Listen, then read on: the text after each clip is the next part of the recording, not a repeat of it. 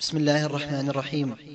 المحاضرة التاسعة وهي لفضيلة الشيخ الدكتور عبد العزيز بن محمد السعيد رئيس قسم السنة بجامعة الإمام محمد بن سعود الإسلامية والتي ألقيت يوم الأحد السادس عشر من محرم وكانت بعنوان منهج أئمة الدعوة في الحديث. بسم الله الرحمن الرحيم. الحمد لله رب العالمين. وصلى الله وسلم وبارك على عبده ورسوله نبينا محمد وعلى آله وصحبه أجمعين. أما بعد فإن دعوة الإمام المجدد شيخ الإسلام محمد بن عبد الوهاب رحمه الله ورفع درجته في المهديين دعوة قائمة على العلم الصحيح كتاب الله وسنة نبيه صلى الله عليه وسلم وإجماع سلف هذه الأمة تعلما وتعليما ودعوة وعملا عقيدة وشريعة وسلوكا ومنهجا تأصيلا واستدلالا واستنباطا. فلذا جاءت دعوته رحمه الله موافقة لمذهب أهل السنة والجماعة الذي كان عليه رسول الله صلى الله عليه وسلم وأصحابه والتابعون لهم بإحسان من أئمة الهدى والدين. ولقد كان لأئمة الدعوة عناية بكتاب الله وسنة رسوله صلى الله عليه وسلم. وما تفرع عنهما من علوم وما كان آلة لفهم معانيهما وإدراك أسرارهما والوصول إلى مقاصدهما. تحقيقا لقوله تعالى كتاب أنزلناه إليك مبارك ليدبروا آياته وليتذكر أولو الألباب. ومن نظر في مؤلفاتهم ورسائلهم وسيرهم بتجرد وإنصاف علم أنهم أئمة هدى وأنصار للحق معظمون لله ولكتابه ولرسوله وسنته متجردون عن الهوى والعصبية والتبعية إلا لرسول الله صلى الله عليه وسلم. وهذا كما قال إمام الدعوة محمد بن عبد الوهاب رحمه الله في بعض أجوبته قال فأنا ولله الحمد لم آت الذي أتيت بجهالة وأشهد الله وملائكته إن أتاني منه يعني من المردود عليه أو ممن دونه في هذا الأمر كلمة من الحق لأقبلنها على الرأس والعين وأترك قول كل إمام اقتديت به حاشا رسول الله صلى الله عليه وسلم فإنه لا يفارق الحق. وقال الشيخ عبد الرحمن بن حسن رحمه الله في بيان سيرة الإمام محمد بن عبد الوهاب قال فشرح الله صدر شيخنا. فضلا من الله ونعمة عظيمة من بها تعالى في آخر هذا الزمان. فعرف من الحق ما عرف شيخ الإسلام ابن تيمية وأصحابه بتدبره الآيات المحكمات وصحيحي البخاري ومسلم والسنن والمسانيد والآثار. ومعرفة ما كان عليه رسول الله صلى الله عليه وسلم والتابعون وأتباعهم وما عليه سلف الأمة وأئمتها. والأئمة من أهل الحديث والتفسير والفقهاء كالأئمة الأربعة ومن أخذ عنهم فتبين له التوحيد وما ينافيه والسنة وما يناقضها وقد شهد للإمام رحمه الله بهذا فضلا عن تلاميذه وأحفاده وأهل بلاده شهد له بحرصه على السنة واتباعها وتحقيقها والدعوة إليها. جمع من العلماء خارج هذه البلاد. فمن ذلك ما قاله الشيخ عبد الكريم بن فخر الهندي في كتابه الحق المبين في رده على دحلان. قال في وصف الإمام محمد بن عبد الوهاب كان إماما من أئمة الطريقة يعني السنة آمرا بالمعروف المشروع ناهيا عن المنكر الممنوع وحاز قصبات السبق على كبراء المعاصرين. له قدم في الدعوة إلى الله. والاعتصام بالسنة والاجتناب من الشرك والبدعة. وقال أيضا ومعلوم أن محمد بن عبد الوهاب كان حنبليا في المذهب ومتبعا للسنة في المشرب وكذلك أتباعه إلى الآن. وقال الشيخ المؤرخ محمود فهمي المصري المتوفى سنة 11 و300 وألف في كتابه البحر الزاخر قال وكان الوهابيون يعني المنتسبين إلى دعوة الشيخ الإمام محمد بن عبد الوهاب وكان الوهابيون في عقيدتهم ومذهبهم على طريقة أهل السنة والجماعة والأساس الأصلي لدينهم هو توحيد الله سبحانه وتعالى لا يشركون به شيئا. ويعتقدون أن النبي صلى الله عليه وسلم أدى ما يجب عليه من إبلاغ الرسالة الإلهية ورفضوا جميع تفاسير القرآن الخرافية المكذوبة. وقرروا أحاديث أهل السنة والجماعة. وذكر الشيخ الإمام محمد بن علي الشوكاني أنه اطلع على رسائل للشيخ محمد بن عبد الوهاب ثم قال وهي رسائل جيدة مشحونة بأدلة الكتاب والسنة. ثم ذكر أنه اطلع على عجوبة للإمام في مسائل أصول الدين. أجاب بها عن أسئلة لجماعة من فقهاء صنعاء وصعدة وقال فأجابه عليهم جوابات محررة مقررة محققة. تدل على أن المجيب من العلماء المحققين والمجيب هو شيخ الإسلام محمد بن الوهاب. تدل على أن المجيب من العلماء المحققين العارفين بالكتاب والسنة وقد هدم عليهم جميع ما بنوه وأبطل جميع ما دونوه. بل إن أهل هذه الدعوة لظهور تمسكهم بالسنة وعملهم بها صار كثير من الناس يطلق على المتمسك بالسنة بأنه وهابي في أرجاء كثيرة من بلاد المسلمين. كما قال الشيخ محمد المكي بن عزوز التونسي واعلموا أن من البلايا المتسلطة على الدين وإيمان المسلمين أنه صار الذي يصدع بالحديث النبوي الصحيح مقدما له على عصارة المتفقهين. يقال له أنت وهابي.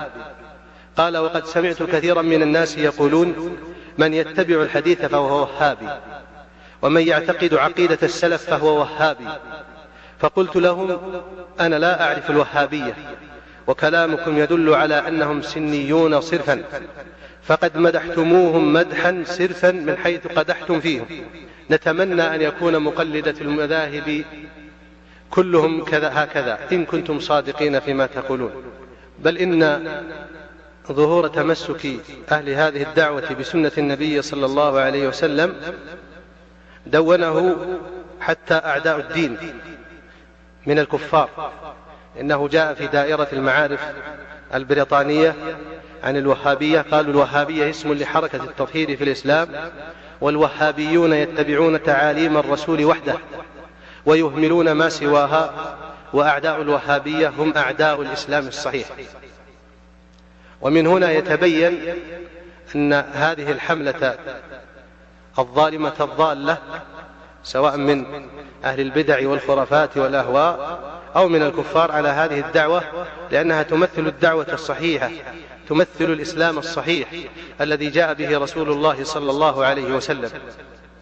فهذه عبارة شهد بها أعداء الملة فحري بالمسلمين أن يقرن الواقع المعاصر مع هذه العبارة ليتبين أن الحملة على هذه الدعوة المباركة إنما هي حملة على الإسلام الصحيح. لأنه إذا سقطت هذه الدعوة فإنه ليس هناك دعوة اليوم قائمة على وجه صحيح مستمدة من كتاب الله وسنة نبيه صلى الله عليه وسلم إلا هذه الدعوة. نسأل الله جل وعلا أن يبارك فيها وأن يحفظها من كل سوء. وفي هذه الليلة في الحديث عن منهج أئمة الدعوة في الحديث أنهم بنوا دينهم على كتاب الله وسنة رسوله صلى الله عليه وسلم. ولا شك أن الإتيان على المنهج كله عسر في مثل هذه المحاضرة ولكن لعلنا نذكر شيئا من ملامح هذا المنهج سواء كان في أصوله أو في فقهه أو في سماته. في بداية هذه المحاضرة نذكر سمات منهج أئمة الدعوة في جانبه الحديثي ثم بعد ذلك نعرج على بعض التساؤلات التي قد تكون مطروحة أو قد يتصور طرحها.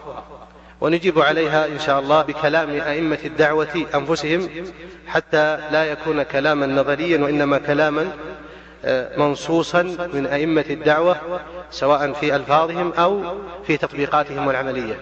فأئمة الدعوة رحمهم الله لمنهجهم سمات وهذه السمات هي مماثلة لسمات منهج أهل السنة والجماعة في هذا الجانب لأنهم ينطلقون من منهج أهل السنة والجماعة لا يخالفونه. فأول هذه السمات العناية بالدليل والأدلة المعتمدة عند أئمة الدعوة الكتاب والسنة والإجماع والقياس الصحيح. والسمة الثانية الاتباع لمن سلف من أئمة الهدى والدين سواء كان ذلك في أصول المسائل أو فروعها. والثالث الإعراض عن شذوذات العلماء والرابع التحرير والتدقيق والخامس لزوم السمت الشرعي في الخطاب والبيان والرد والسادس الأمانة والإنصاف والسابع الانضباط والسلامة من الاضطراب والتناقض والشذوذ لأنهم يجرون على قواعد قررها العلماء ويتحرون في تنزيل الفروع عليها ولا يتبعون الأقوال الشاذة التي هجرها أهل العلم. لأن هجرانها دليل على مخالفتها للنصوص وعدم استقامتها على الأصول. وهذه السمات ستتضح إن شاء الله تعالى عند عرض أقوالهم وتطبيقاتهم. ولا شك أن قبل الخوض في بيان منهجهم أن هناك تساؤلات. يعني نحاول إن شاء الله جل وعلا أن يكون في هذه المحاضرة إجابة عنها. ومنها ما مدى عناية أئمة الدعوة بالسنة؟ وهل لهم منهج مستقل في فهم السنة وعلومها ومصطلحاتها أو هم تابعون لغيرهم؟ وما موقفهم من كتب السنة وشروحها؟ وما أهم القواعد التي بنوا عليها فقههم للسنة؟ ولماذا كانت عنايتهم بفقه الحديث أظهر؟ وهل لهم اجتهاد في الحكم على الحديث؟ ولماذا كان كلامهم في علوم الحديث قليلا بالنسبة إلى فقه الحديث؟ هذه إن شاء الله جل وعلا ستكون إن شاء الله جل وعلا في هذه المحاضرة إجابة عن هذه السؤالات وما يكون مضمنا فيها.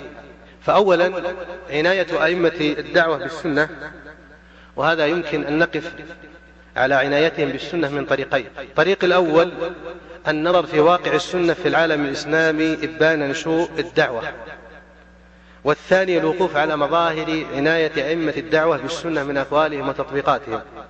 فواقع السنة إبان نشوء الدعوة في العالم الإسلامي يتلخص في أمرين اثنين.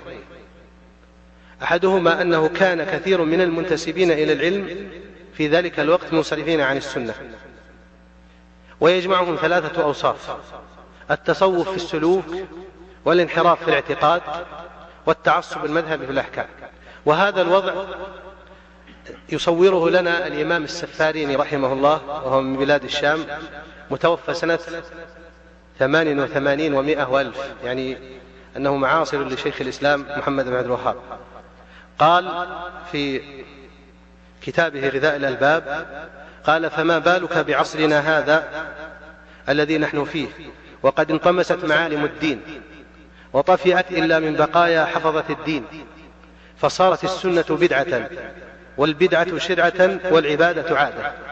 وقال رحمه الله في مقدمة كتاب الشرح ثلاثيات مسند الإمام أحمد. ولم يبق من آثار هذا البيان إلا حكايات تتزين بها الطروس. ككان وكان. والعلم قد أفلت شموسه وتقوضت محافله ودروسه. وربعه المأهول أمسى خاليا وواديه المأنوس أضحى موحشا دويا هذا هو الواقع على جهة العموم.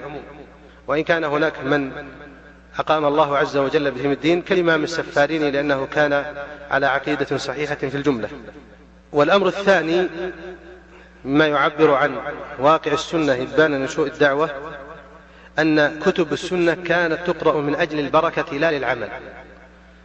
فكتاب البخاري ومسلم والسنن وغيرها من الكتب يقرؤونها للبركة لكن ليست محلا للاستنباط ولا لأخذ الأحكام لأنهم يرون أنهم محجوبون عنها بما حجبوا به أنفسهم عنها وذلك أنهم ذكروا أنه لا يستطيع أخذ الأحكام منها إلا من كان مجتهدا اجتهادا مطلقا وقد انقرض المجتهدون اجتهادا مطلقا. فصاروا يأخذون الأحكام من كتب الفقهاء عصبون المذهب الذي ينتسبون إليه ويقدمون ما في كتب المذاهب على قول الله وقول رسوله صلى الله عليه وسلم مع ظهور الدليل أحيانا. قال الشيخ حمد بن معمر وهو من أئمة الدعوة حاكيا تلك الحال قال وأما كتب الحديث كالأمهات الست وغيرها من كتب الحديث وشروحها وكتب الفقه الكبار التي يذكر فيها خلاف الأئمة وأقوال الصحابة والتابعين فهي عندهم مهجورة بل هي في الخزانة مسطورة للتبرك بها لا للعمل ويعتذرون بأنهم قاصرون عن معرفتها فالأخذ بها وظيفة المجتهدين.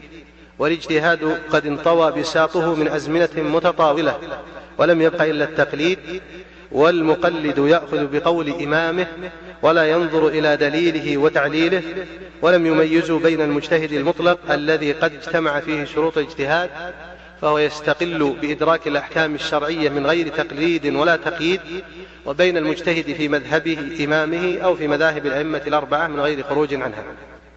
فإذا ما قرأنا هذا الحال بحال الإمام وأتباعه وما اشتملت عليه هذه الدعوة من الدعوة إلى السنة والعمل بها ظهر لنا فضل هذه الدعوة.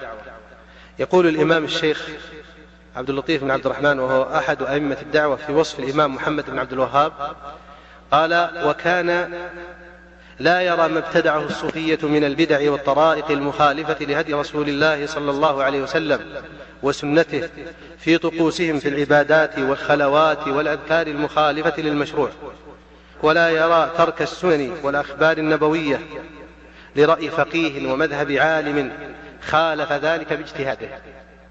بل السنة أجل في صدره وأعظم عنده من أن تترك لقول أحد كائنا من كان. قال عمر بن عبد العزيز رحمه الله لا أرى لأحد مع سنة سنها رسول الله صلى الله عليه وسلم. نعم عند الضرورة وعند الضرورة وعدم الأهلية والمعرفة بالسنن والأخبار وقواعد الاستنباط والاستظهار يصار إلى التقليد لا مطلقا بل فيما يتعشر ويخفى. ولا يرى إيجاب ما قاله المجتهد إلا بدليل تقوم به الحجة من الكتاب والسنة خلافا لغلاة المقلدين.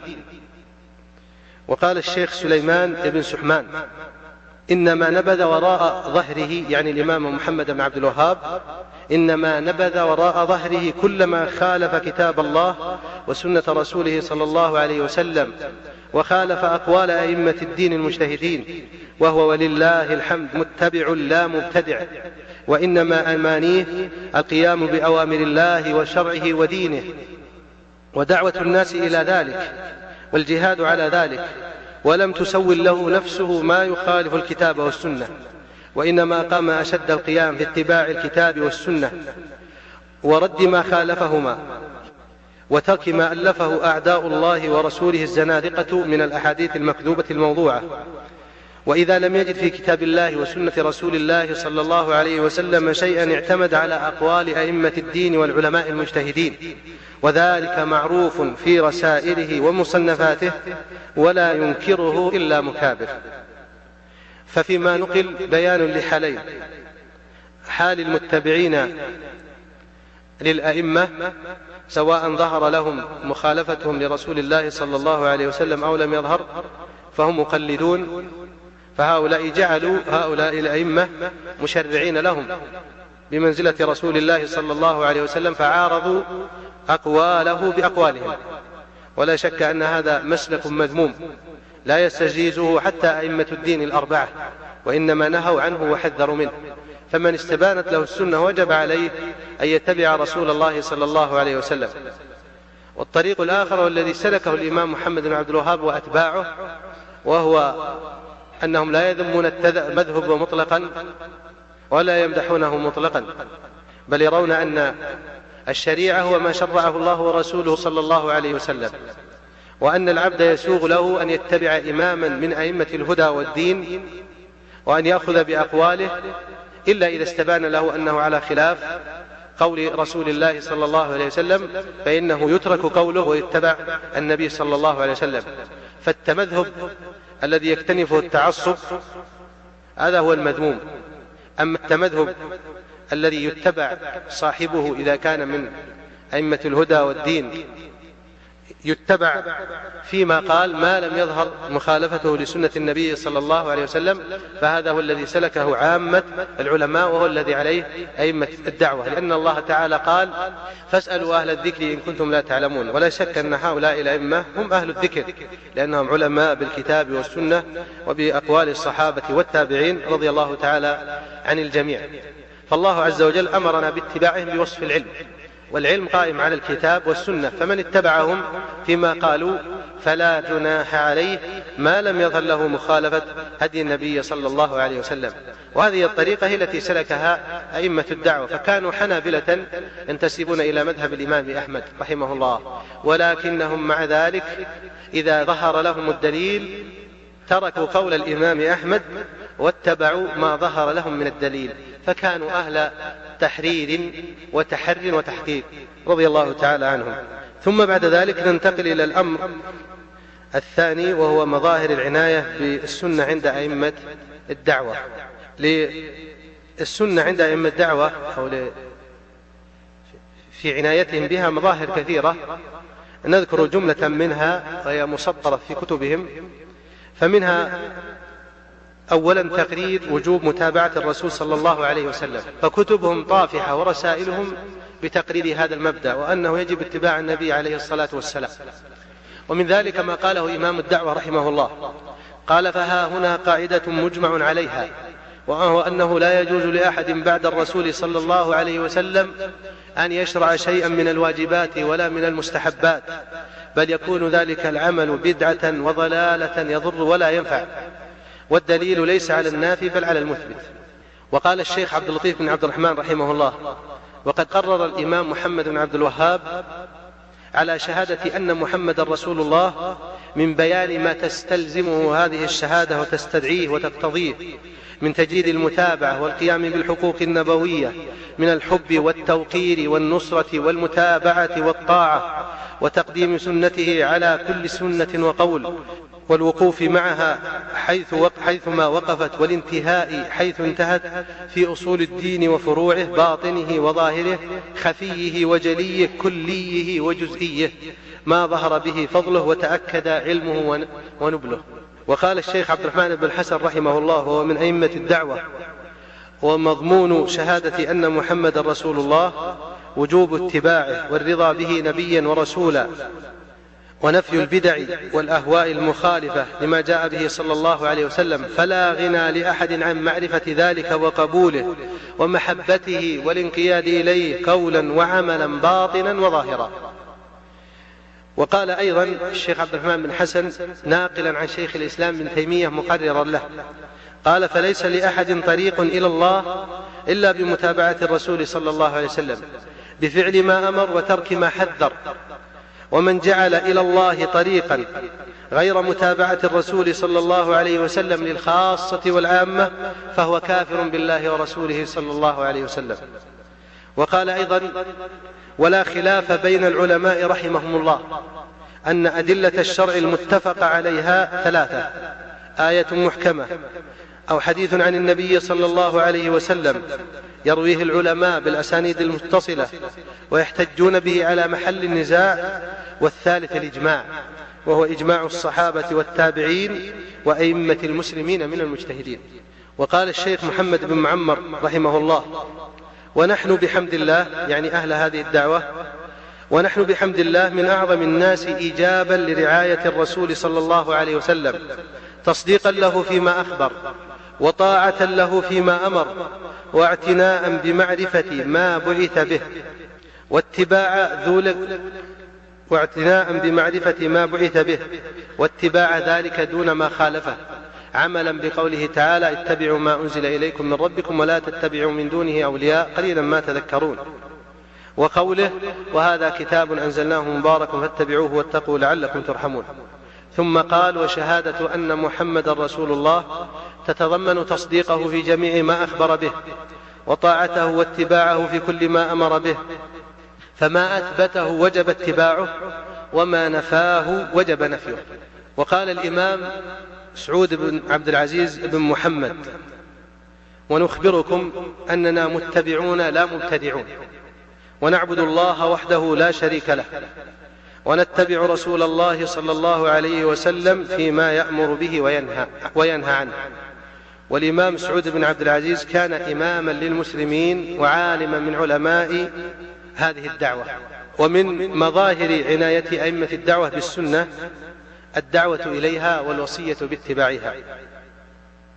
قال الإمام محمد رحمه الله ولست ولله الحمد أدعو إلى مذهب صوفي أو فقيه أو متكلم أو إمام من الأئمة الذين أعظمهم مثل ابن القيم أو الذهبي أو ابن كثير أو غيرهم بل أدعو إلى الله وحده لا شريك له وإلى سنة رسوله صلى الله عليه وسلم التي وصى بها أول أمته وآخرها. وكتب الشيخ محمد بن عبد اللطيف إلى بعض أهل البلاد قال أوصيكم ونفسي بتقوى الله ولزوم طاعته وتقديم كتاب الله وسنة رسوله صلى الله عليه وسلم على ما عداهما فإن من ظفر بهما فقد نجا ومن تركهما فقد ضل وغوى. ومن مظاهر عنايتهم بهذه السنة أنهم يرون أن العمل لا يصح ولا يقبل إلا بالاتباع باتباع النبي صلى الله عليه وسلم. فهم يبنون هذا الدين كما بناه أئمة الهدى والدين على الإخلاص والمتابعة. كما دل عليه كتاب الله وسنة نبيه صلى الله عليه وسلم. قال الشيخ عبد الله بن عبد اللطيف وفرض الله علينا الإخلاص في عبادته واتباع سنة نبيه صلى الله عليه وسلم ولا يقبل جل وعلا لأحد شيئا من الأعمال إلا بالقيام بهذين الركنين الإخلاص والمتابعة. فالإخلاص أن يكون لله والمتابعة أن يكون متبعا لأمر رسول الله صلى الله عليه وسلم.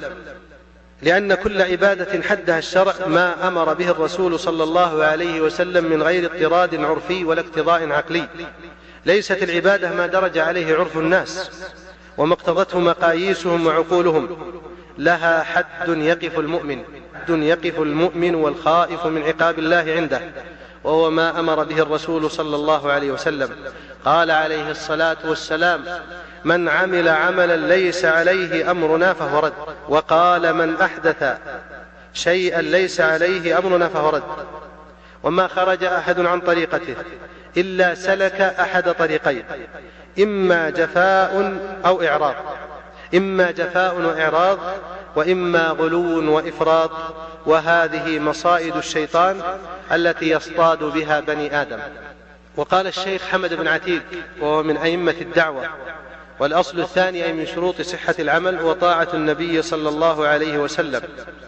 في أمره وتحكيمه في دقيق الأمور وجليلها وتعظيم شرعه ودينه والإذعان لأحكامه في أصول الدين وفروعه. وقال الشيخ إسحاق بن عبد الرحمن بن حسن وهو من أئمة الدعوة فالرسول صلى الله عليه وسلم جعله الله إماما للناس فكما أنزل عليه القرآن أنزل عليه السنة. موافقة للقرآن مبينة له فما وافق هديه فهو الصراط المستقيم. وما خالفه فهو البدعة والضلال الوخيم. وكل بدعة ضلالة إذ لا طريق إلى الحق إلا من طريقه ولا شرب إلا من حوضه ورحيقه وجميع الطرق مسدودة وجميع الآراء مردودة إلا ما وافق الكتاب والسنة. ثم قال والمقصود أن طاعة الرسول صلى الله عليه وسلم واجبة الاتباع وطاعة الغير سائغة الاتباع وقد عكس الناس القضية بآراء غير مرضية. ومن مظاهر عنايتهم بسنة النبي صلى الله عليه وسلم تقديم سنته على قول كل أحد من الناس. والرد إليها وإلى كتاب الله جل وعلا عند التنازع. قال الإمام محمد بن عبد الوهاب رحمه الله فإذا كان الله سبحانه قد أوجب علينا أن نرد ما تنازعنا فيه إلى الله أي إلى كتاب الله وإلى الرسول صلى الله عليه وسلم أي إلى سنته علمنا قطعا أن من رد إلى الكتاب والسنة ما تنازع الناس فيه وجد فيهما ما يفض النزاع. وقال الشيخ عبد اللطيف بن عبد الرحمن في رسالة أملاها مبينا منهج أئمة الدعوة قال ومن أصولهم أنهم يقولون بوجوب رد ما تنازعت فيه الأمة إلى كتاب الله وسنة رسوله صلى الله عليه وسلم ولا يقبلون قولا مجردا عن دليل ينصره وبرهان يعضده بمجرد نسبته إلى شيخ أو متبوع غير الرسول صلى الله عليه وسلم لا سيما من خالف هدي القرون المفضلة وما درج عليه أوائل هذه الأمة فإنهم يشددون على من خالفهم. وقال الشيخ حسين والشيخ عبد الله ابن الشيخ محمد عقيدتنا وديننا الذي ندين الله به وهي عقيدة سلف الأمة وأئمتها من الصحابة والتابعين لهم بإحسان وهو اتباع ما دل عليه الدليل من كتاب الله وسنة رسوله صلى الله عليه وسلم وعرض أقوال العلماء على ذلك فما وافق كتاب الله وسنة رسوله صلى الله عليه وسلم قبلناه وأفتينا به وما خالف ذلك رددناه على قائله وهذا هو الأصل الذي أوصانا الله به في كتابه حيث قال يا أيها الذين آمنوا أطيعوا الله وأطيعوا الرسول وأولي الأمر منكم فإن تنازعتم في شيء فردوه إلى الله والرسول إن كنتم تؤمنون بالله واليوم الآخر. وقال الشيخ سليمان بن عبد الله وهو حفيد إمام الدعوة وأحد أعلامها قال فالواجب فيما تنازع فيه العلماء رده إلى الله والرسول صلى الله عليه وسلم كما قال تعالى وما اختلفتم فيه من شيء فحكمه إلى الله وقوله فإن تنازعتم في شيء فردوه إلى الله والرسول إن كنتم تؤمنون بالله واليوم الآخر فإذا وجدنا مسألة قد اختلف العلماء فيها وجب علينا الرد إلى النصوص. فما وافق النصوص وجب الأخذ به وما خالفها وجب رده إليها. وأما تركها لقول بعض العلماء والتعليل بأنهم أعلم منا بمعانيها فلا يجوز. بل هذا عين التقليد المذموم الذي أنكره شيخنا يعني الإمام محمد بن عبد الوهاب كما أنكره العلماء قبله. وقرر الشيخ عبد الرحمن بن حسن رحمه الله أن ترك العمل بالحديث الصحيح إذا خالف المذهب من محدثات الأمور التي ما أنزل الله بها من سلطان. مستدلا بقوله تعالى اتبعوا ما أنزل إليكم من ربكم ولا تتبعوا من دونه أولياء قليلا ما تذكرون. وقوله فإن تنازعتم في شيء فردوه إلى الله والرسول. ثم قال والتقليد المفضي إلى هذا الإعراض عن تدبر الكتاب والسنة فيه شبه بمن قال الله فيهم اتخذوا أحبارهم ورهبانهم أربابا من دون الله. وقوله أم لهم شركاء شرعوا لهم من الدين ما لم يأذن به الله. وأكد هذا الشيخ عبد الله ابن عبد الرحمن أبابطين وهو من أئمة هذه الدعوة. فقال فمن قال إنما, أود إنما أودع في بعض الكتب المصنفة هو الذي يجب اتباعه فهو مخطئ. يخاف عليه العقوبة في قلبه. ولازم هذه المقالة أنه إذا وجد عن المعصوم أنه إذا وجد عن المعصوم صلوات الله وسلامه عليه ما يخالف بعض ما فيها أن الذي في هذه الكتب هو الواجب الاتباع دون ما جاء عن الرسول صلى الله عليه وسلم. بل كثير منهم يصرحون بذلك يعني من المقلدة في عصره ومن قبله. بل كثير منهم يصرحون بذلك ويلتزمونه مع أنه مخالف للكتاب والسنة فهو مخالف أيضا لأقوال الأئمة الأربعة. وقال الشيخ عبد الله بن محمد ابن الشيخ الإمام قال إذا صح لنا نص جلي من كتاب أو سنة غير منسوخة ولا مخصصة ولا معارضة بأقوى منه وقال به أحد الأئمة الأربعة أخذنا به وتركنا المذهب. وقال الشيخ محمد بن عبد اللطيف وإذا بانت لنا سنة صحيحة عن رسول الله صلى الله عليه وسلم عملنا بها ولا نقدم عليها قول أحد كائنا من كان بل نتلقاها بالقبول والتسليم لأن سنة رسول الله صلى الله عليه وسلم في صدورنا أجل وأعظم من أن نقدم عليها قول أحد فهذا الذي نعتقده وندين الله به. وكلامهم في هذا الموضوع كثير جدا. ولكن اقتصرنا على بعضه لأن المقام لا يكفي لإيراد أكثر من هذا. وأيضا من مظاهر عنايتهم بالسنة مطالبتهم المخالف بالسنة. فمن خالفهم طالبوه بالدليل من كتاب الله أو سنة نبيه صلى الله عليه وسلم لأن الله عز وجل أمرنا بالرجوع إليهما. قال الإمام محمد بن عبد الوهاب والقائل أن أنه يطلب الشفاعة بعد موته يعني النبي صلى الله عليه وسلم يورد علينا الدليل من كتاب الله أو من سنة رسول الله صلى الله عليه وسلم أو من إجماع الأمة والحق أحق أن يتبع. وقال الشيخ حمد بن معمر رحمه الله فهذه سنة رسول الله صلى الله عليه وسلم وهذه طريقة الصحابة والتابعين لهم بإحسان. هل نقل عن أحد منهم بنقل صحيح أو حسن؟ أنهم كانوا إذا كان لهم حاجة قصدوا القبور فدعوا عندها وتمسحوا بها فضلا عن أن يسألوا أصحابها جلب الفوائد وكشف الشدائد. ثم قال فإن كان عندكم في هذا أثر صحيح أو حسن فأوقفونا عليه بل الذي صح عنهم خلاف ما ذهبتم إليه.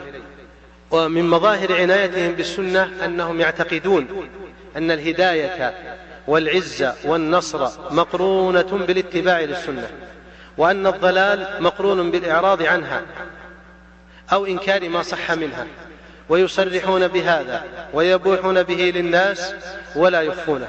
قال الإمام محمد بن عبد الوهاب رحمه الله ونعتقد أن أمة محمد صلى الله عليه وسلم المتبعين لسنته لا تجتمع على ضلالة.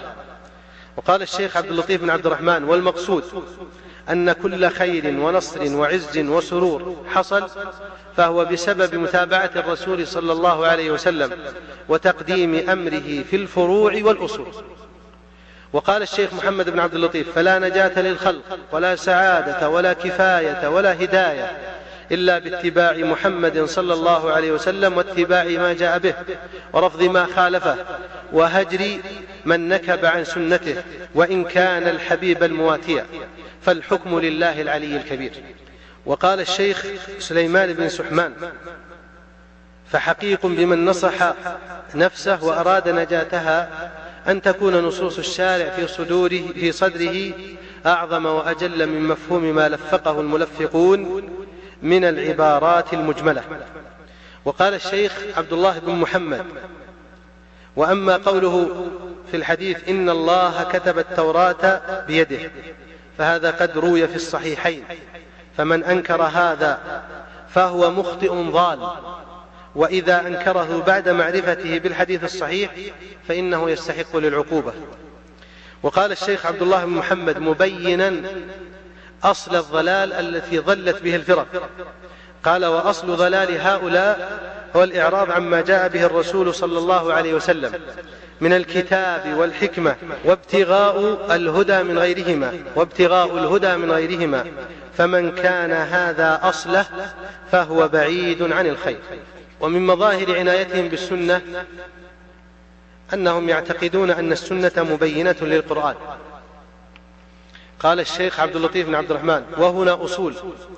أحدها أن السنة والأحاديث النبوية هي المبينة للأحكام القرآنية وما يراد من النصوص الواردة في كتاب الله في باب معرفة حدود ما أنزل كمعرفة المؤمن والكافر والمشرك والموحد والفاجر والبر والظالم والتقي وما يراد بالموالاة والتولي ونحو ذلك من الحدود. كما أنها المبينة لما يراد من الأمر بالصلاة على الوجه المراد في عددها وأركانها وشروطها وواجباتها وكذلك الزكاة فإنه لم يظهر المراد من الآيات الموجبة معرفة النصاب والأجناس التي تجب فيها من الأنعام والثمار والنقود ووقت الوجوب واشتراط الحول في بعضها ومقدار ما يجب في النصاب وصفته إلا ببيان السنة وتفسيرها. إلى آخر كلامه في بيان السنة للقرآن. وقال الشيخ عبد الله بن محمد فالذي عليه المحققون من العلماء أن السنة لا تنسخ القرآن لكن السنة تفسر القرآن وتبينه وتفصل مجمله لأن الله امتن على أزواج نبيه بالكتاب والحكمة فقال واذكرن ما يتلى في بيوتكن من آيات الله والحكمة. قال كثير من العلماء كان جبريل ينزل على النبي صلى الله عليه وسلم بالسنة كما ينزل عليه بالقرآن. ولا يسمون ذلك نسخا بل تفسيرا له وتوضيحا وتشريعا للأمة. لأن الله ضمن لنبيه صلى الله عليه وسلم جمع القرآن في صدره وبيان معناه. كما قال تعالى إن علينا جمعه وقرآنه فإذا قرأناه فاتبع قرآنه ثم إن علينا بيانه. ولا شك أن هذا الكلام ليس خاليا من عمل أئمة الدعوة بل هم يطبقونه بحذافيره. كما جاء عن إمام الدعوة محمد بن عبد الوهاب في تفسير قوله تعالى فويل للمصلين الذين هم عن صلاتهم سهون قال رحمه الله ففسر السهو بالسهو عن وقتها وفسر أيضا بالسهو عما يجب فيها وفسر أيضا بالسهو عن حضور القلب قال رحمه الله في بيان ذلك ويدل على ذلك الحديث الذي في صحيح مسلم أن رسول الله صلى الله عليه وسلم قال تلك صلاة المنافق يرقب الشمس. حتى إذا كانت بين قرني شيطان قام فنقرها أربعة. لا يذكر الله فيها إلا قليلا. فوصفه بإضاعة الوقت بقوله يرقب الشمس وبإضاعة الأركان بذكر بذكره النقر وبإضاعة حضور القلب بقوله لا يذكر الله فيها إلا قليلا. فهذا جل لنا فقه الإمام محمد بن عبد الوهاب لنصوص الكتاب والسنة وعمله بما دعا إليه. وقال أبناء الشيخ وحمد والشيخ حمد بن معمر لما ذكروا أن المؤمنين يرون ربهم في الآخرة قال والدليل على ذلك من القرآن قوله تعالى للذين أحسنوا الحسنى وزيادة ثم ذكروا الحديث الذي رواه مسلم مبينا لهذه الآية وهو حديث صهيب وأن النبي صلى الله عليه وسلم فسر الحسنى بالزيادة الحسنى بالجنة والزيادة بالنظر إلى وجه الله تعالى. ومن مظاهر عنايتهم بالسنة أنهم يقيسون أعمال الناس ويزنونها بالكتاب والسنة. فما وافق السنة فهو الحق وما خالفها فهو الضلال. قال الشيخ حمد بن عبد العزيز وهو من أئمة الدعوة قال والفقيه الذي ينزل نصوص الكتاب والسنة على الواقع فينفذ الحكم فيهم على وفق النصوص ولا يقدم عادة الناس أو حظوظ نفسه أو الخوف من أذاهم فيداهم في دين الله فيهلك مع الهالكين. ومن مظاهر عنايتهم بالسنة أنهم يعظمون كتب السنة ويقرؤونها ويرحلون لطلبها ويدعون إليها ويوصون بها. ومن قرأ سيرهم واطلع على تراجمهم ومن قرأ سيرهم واطلع على تراجمهم وما رحلوا إليه من أجل سنة النبي صلى الله عليه وسلم. وما قرأوه على أئمتهم وما كانوا يقرؤونه طلابهم وما حصلوه من الإجازات التي علت فيها أسانيدهم وصارت فيها مرجعا لأهل المشرق والمغرب من بلاد المسلمين علم علما يقينيا تعظيمهم لسنة النبي صلى الله عليه وسلم. يقول الشيخ عبد الله بن محمد رحمه الله ونحرص على كتب الحديث وخصوصا الأمهات وخصوصا الأمهات الست وشروحها.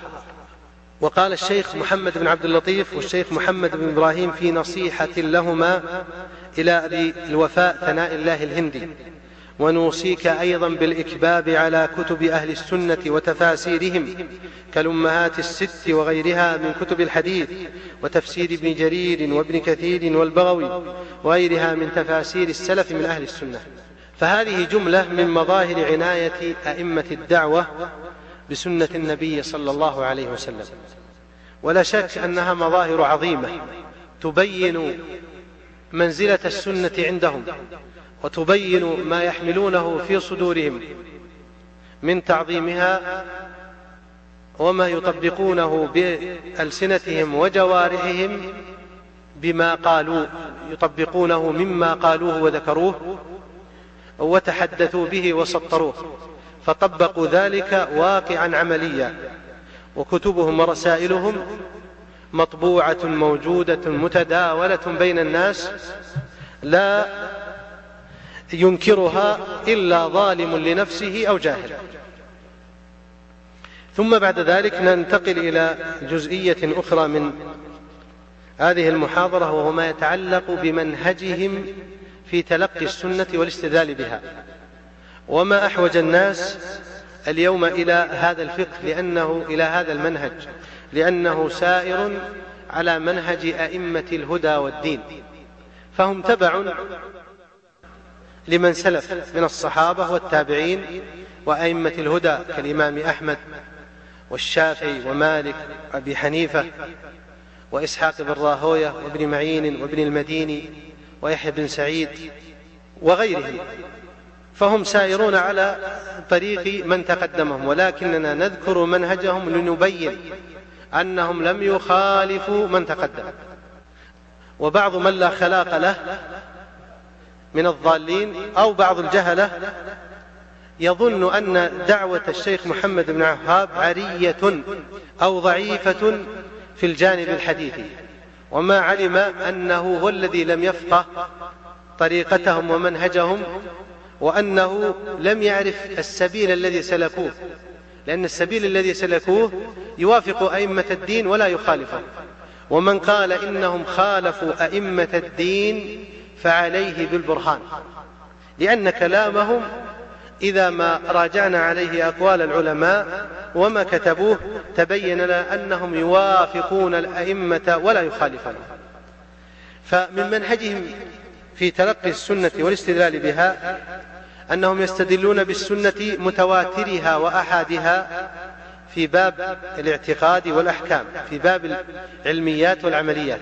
يقول الشيخ عبد الله بن محمد رحمه الله. وأما متابعة الرسول صلى الله عليه وسلم فواجب على أمته فواجب على أمته متابعته في الاعتقادات والأقوال والأفعال. قال الله تعالى قل إن كنتم تحبون الله فاتبعوني يحببكم الله ويغفر لكم. وقال صلى الله عليه وسلم من أحدث في أمرنا هذا ما ليس منه فهو رد. قال فتوزن الأقوال والأفعال بأقواله وفعله فما وافق منها قبل وما خالف رد على فاعله كائنا من كان. فإن شهادة محمد أن محمد رسول الله تتضمن تصديقه فيما أخبر به وطاعته ومتابعته في كل ما أمر به.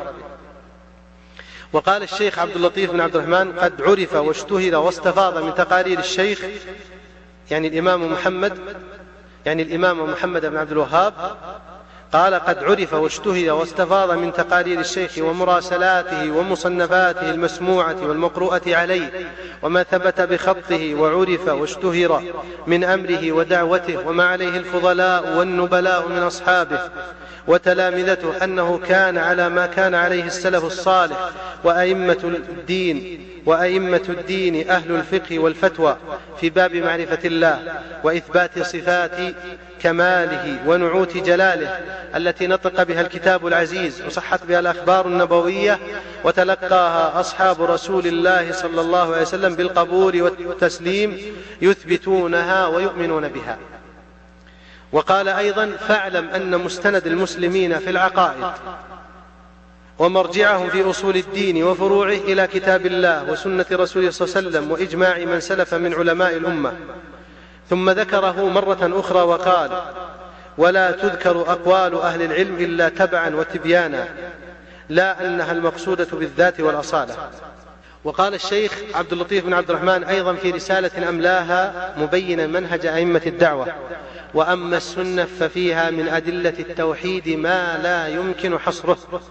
ثم قال وأدلة التوحيد في الكتاب والسنة أبين من الشمس في نحر الظهيرة. لكن لمن له فهم ثاقب وعقل كامل وبصر نافذ وأما الأعمى فلا يبصر للشمس ضياء ولا للقمر نورا. وقال وبالجملة فعقيدة القوم تحكيم الكتاب والسنة والأخذ بأقوال سلف الأمة. وأئمتها كالأئمة الأربعة وأمثالهم في باب وجوب إخلاص العبادة لله ومحبته والإنابة إليه وتعظيمه وطاعته وفي باب معرفته بصفات كماله ونعوت جلاله فيثبتون له ما أثبته الله تعالى لنفسه من غير تحريف ولا تعطيل ولا تشبيه ولا تمثيل فهم على طريقة السلف. وذكر الشيخ حسن بن حسين بن محمد معتقد السلف نقلا عن كرب عن حرب كرماني صاحب الإمام أحمد. قال وفيه. والدين إنما هو كتاب الله عز وجل وآثار وسنن وروايات صحاحة عن الثقات والأخبار الصحيحة القوية المعروفة ويصدق بعضها بعضا حتى ينتهي ذلك. إلى رسول الله صلى الله عليه وسلم وأصحابه رضي الله عنهم أجمعين والتابعين وتابع التابعين ومن بعدهم من الأئمة المعروفين المقتدى بهم المتمسكين بالسنة والمتعلقين بالآثار. ثم قال الذي أعتقده وأدين الله به وأشهد الله عليه وملائكته والواقف عليه هذا. وهو المذهب الصحيح الذي درج عليه السلف الصالحون والخلف التابعون وأبرأ إلى الله مما سواه. وقال الشيخ محمد بن عبد اللطيف والشيخ محمد بن إبراهيم وهما من أئمة الدعوة. قال وهذا كتاب الله من أوله إلى آخره وسنة رسوله صلى الله عليه وسلم من أولها إلى آخرها ثم عامة كلام الصحابة والتابعين ثم كلام سائر الأئمة مملوء بما هو إما نص وإما ظاهر في أن الله سبحانه هو العلي الأعلى وهو فوق كل شيء. وفي الأحاديث الصحاح والحسان ما لا يحصى إلا بكلفة. وقال الشيخ عبد الله بن محمد الذي ينبغي للمؤمن تصديق الرسول صلى الله عليه وسلم في كل ما أخبر به من الأمور الغائبة. وإن لم يعلم كيفية ذلك كما مدح سبحانه المؤمنين بذلك في قوله الذين يؤمنون بالغيب ويقيمون الصلاة ومما رزقناهم ينفقون والذين يؤمنون بما أنزل إليك وما أنزل من قبلك وبالآخرة هم يوقنون أولئك على هدى من ربهم وأولئك هم المفلحون. ومن منهجهم رحمهم الله أنهم لا يعارضون النصوص بعقولهم وإنما يسلمون للنصوص ويؤمنون بها ويمرونها كما جاءت مع فقههم لمعانيها. قال الشيخ سليمان بن سحمان النصوص الثابتة عن رسول الله صلى الله عليه وسلم لم يعارضها قط صريح معقول فضلا عن أن يكون مقدما عليها. فهم يؤمنون بأنه ليس هناك صريح معقول يخالف هذه النصوص لأنها جاءت بما يوافق العقول الصحيحة الصريحة لا ما يخالفها ولم يعارضوا نصوص الكتاب والسنة بما أملته عليه عقولهم بل يسلمون لله جل وعلا وذلك مقتضى الإيمان بالله ربا الإسلام دينا وبمحمد صلى الله عليه وسلم رسولا نبيا. ومن منهجهم أنهم يردون القياس المخالف للسنة. فهم وإن كانوا يعملون بالقياس إذا كان قياسا صحيحا ولكنه إذا خالف السنة فإنهم يردونه لأن القياس فيه اجتهاد للعبد والعبد قد يخطئ ويصيب. وأما النبي صلى الله عليه وسلم فيما شرع معصوم من ذلك. قال الشيخ عبد الرحمن بن حسن رحمه الله ولا خلاف بين العلماء من المجتهدين أن القياس وهو من الأدلة عند جمهور العلماء إذا خالف نصا أو ظاهرا من كتاب أو سنة ترك وفسد اعتباره. ومن منهجهم رحمهم الله أنهم يعتبرون عمل السلف فدينهم وعقيدتهم التي يدينون الله عز وجل بها ليست بمعزل عن عمل السلف الصالح وإنما هم يستنون بهدي من سلف كما تقدم جملة من كلامهم في ذلك ومنه أيضا مما يلحق بذلك. قال الشيخ عبد الرحمن بن حسن فاعلم أنه لم يبلغنا عن أحد من الصحابة والتابعين ولا الأئمة أنهم كانوا يستعملون ذلك فيما بينهم. يعني لما سئل عن قول بعضهم لبعض هنيئا لمن شرب قال لم يبلغنا عن أحد من الصحابة والتابعين ولا الأئمة أنهم كانوا يستعملون ذلك فيما بينهم. فاتخاذ ذلك عادة يخالف ما كان عليه السلف والأئمة. ولو كان مشروعا لسبق إليه من سلف من الأئمة. وقال الشيخ عبد الله بن محمد لما سئل عن قول حي على خير العمل قال فليس بثابت ولا عمل عليه عند أهل السنة. ومن منهجهم رحمهم الله جل وعلا أنهم يحترمون من أخطأ من أهل العلم في بيان السنة وفهمها. إذا لم يظهر منه معاندة للسنة ومكابرة واتباع للهوى فإذا ظهر من حاله أنه يتحرى السنة ويحرص على اتباعها ولكنه أخطأ فإنهم رحمهم الله يحترمونه وإن أنكروا مقالته. قال الإمام محمد بن عبد الوهاب رحمه الله فينبغي للإمام أن يجعل همه ومقصده معرفة أمر الله ورسوله صلى الله عليه وسلم في مسائل الخلاف والعمل بذلك ويحترم أهل العلم ويوقرهم ولو أخطأوا لكن لا يتخذهم أربابا من دون الله. هذا طريق المنعم عليهم وأما اتخاذهم أربابا من دون الله إذا قيل قال الله قال رسوله صلى الله عليه وسلم قيل هم أعلم منا فهذا هو طريق الضالين. وقال الشيخ سليمان بن عبد الله والشيخ يعني ابن تيمية رحمه الله قال والشيخ ابن تيمية من الأئمة المجتهدين لكن إذا خالف كلامه الحديث الصحيح وجب الأخذ بالحديث دون ما خالفه. ومعلوم أن الشيخ يعني ابن تيمية قد اطلع على هذه الأحاديث في النهي عن بيع الطعام قبل قبضه وأنه تأولها. لكن إذا لم نعلم وجه تأويله ولم يتبين لنا رجحان دليله لم يجز لنا أن نخالف هذه الأدلة الثابتة عن النبي صلى الله عليه وسلم. نتحدث الآن عن منهج أئمة الدعوة رحمهم الله في فقه الأحاديث.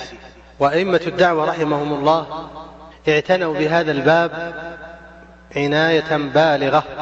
وأول ذلك نذكر إجمالا أو نذكر بعض القواعد التي ذكرها الإمام محمد بن الوهاب مجملة. ثم نفصل هذه القواعد ونضيف عليها غيرها من كلام الأئمة مما يبين إن شاء الله بعض ملامح منهجهم في فقه الحديث. ذكر الإمام رحمه الله أربع قواعد يدور عليها الدين. قال أربع قواعد يدور عليها الدين سواء كان المتكلم يتكلم في علم التفسير أو في علم الأصول أو في علم أعمال القلوب الذي يسمى علم السلوك أو في علم الحديث أو في علم الحلال والحرام والأحكام الذي يسمى علم الفقه أو في علم الوعد والوعيد أو في غير ذلك من أنواع علوم الدين. وهذه القواعد التي ذكرها الإمام رحمه الله هي باختصار تحريم القول على الله بلا علم. والثانية أن كل شيء سكت عنه الشارع فهو عفو. لا يحل لأحد أن يحرمه أو يوجبه أو يستحبه أو يكرهه.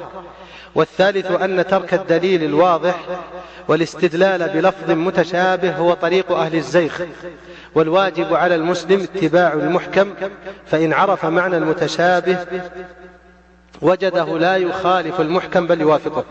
والرابعة أن النبي صلى الله عليه وسلم ذكر أن الحلال بين والحرام بين وبينهما مشتبهات فمن لم يفطن لهذه القاعدة وأراد أن يتكلم على كل مسألة بكلام فاصل فقد ضل وأضل.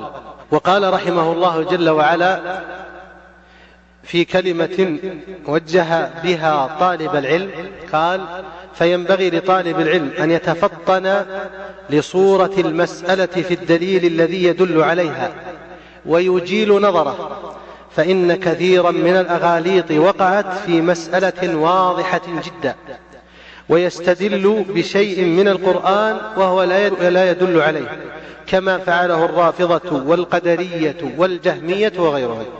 والمثال العملي لهذا أن الإمام محمد بن عبد الوهاب ذكر أن من استدل بقوله صلى الله عليه وسلم في قصة عمه العباس هي علي ومثلها. قال الإمام إن من استدل بقوله صلى الله عليه وسلم هي علي ومثلها على أنه يجوز لصاحب المال تأخير الزكاة فقد أخطأ خطأ ظاهرا لأن الحديث لا يدل عليها. والمسألة التي قال بعض أهل العلم إن الحديث يدل عليها ليست هذه بل إذا أراد الإمام أو الساعي أن يؤخر الزكاة لمصلحة وهذه المسألة غير الأولى.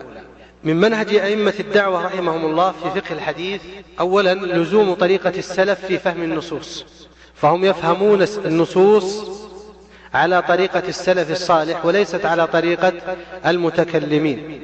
قال الشيخ عبد الله بن محمد وباتباع السلف الصالح والأخذ بهديهم وسلوك طريقهم والسكوت عما سكتوا عنه يزول عن المؤمن شبهات كثيرة وبدع وضلالات شهيرة أحدثها المتأخرون بعدهم وذكر الشيخ عبد الرحمن بن حسن أن علي بن الحسين بن علي والحسن بن الحسين بن علي لم يفهما من نهي النبي صلى الله عليه وسلم في قوله لا تتخذوا قبري عيدا لم يفهما إلا نهي أمته عن اعتياد المجيء إلى قبره وملازمته. لأن الصلاة عليه تبلغه صلى الله عليه وسلم من المصلي وإن كان بعيدا عن قبره. ثم قال والذي فهمه هذان السيدان الجليلان هو الذي فعله السابقون الأولون من المهاجرين والأنصار فإن الثابت عنهم المتواتر أنهم كانوا إذا دخلوا المسجد صلوا على النبي صلى الله عليه وسلم وسلموا واكتفوا بذلك عن المجيء إلى قبره صلى الله عليه وسلم وذلك لعلمهم بما شرعه الله ورسوله صلى الله عليه وسلم. وكان ابن عمر رضي الله عنهما إذا قدم من سفر سلم على النبي صلى الله عليه وسلم ثم على أبي بكر ثم على أبيه ثم انصرف. فهذا حال الصحابة رضي الله عنهم وهم أشد الناس تمسكا بالسنة وأعلم الناس بما يجوز وما لا يجوز. ومن ذلك أيضا استدلال الشيخ عبد اللطيف بن عبد الرحمن بأن المراد بتوسل الصحابة بالنبي صلى الله عليه وسلم في قول عمر اللهم إنا كنا نتوسل إليك بنبينا فتسقينا. المراد توسلهم بدعائه في حياته. وأما بعد موته فلا يشرع طلب الدعاء منه.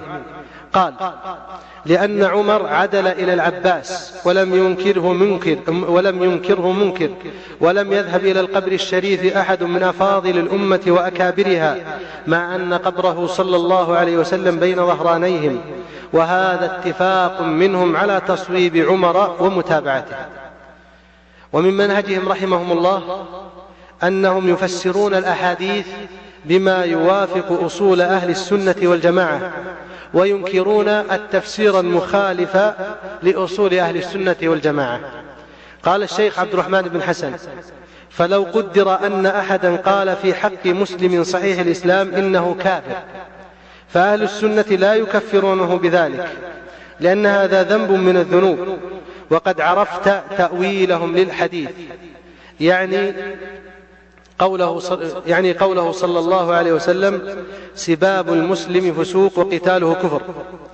قال وقد عرفت تأويلهم للحديث وأن الأخذ بالظواهر المخالفة لأصول السنة وما عليه الصحابة والتابعون وعلماء الأمة هو رأي الخوارج. وكان رحمه الله قد قال قبل هذا التقرير قال وكلام العلماء على الحديث المتقدم ذكره. قال قال النووي رحمه الله في شرح مسلم ومن دعا رجلا بالكفر أو قال عدو الله وليس كذلك حار عليه هذا مما عده بعض العلماء من المشكلات فإن مذهب أهل الحق لا يكفر المسلم بالمعاصي كالقتل والزنا وفي تأويل الحديث أوجه أحدها أنه محمول على المستحل والثاني معناه رجعت عليه معصيته يعني من قال لأخيه يا كافر ولم يكن كذلك إلا حارت عليه.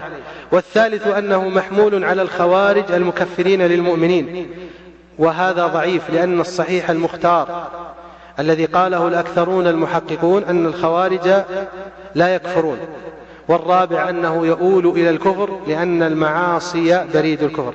قال الشيخ حمد بن معمر رحمه الله. ثم تجد المنتسبين إلى عقيدة الأشعري.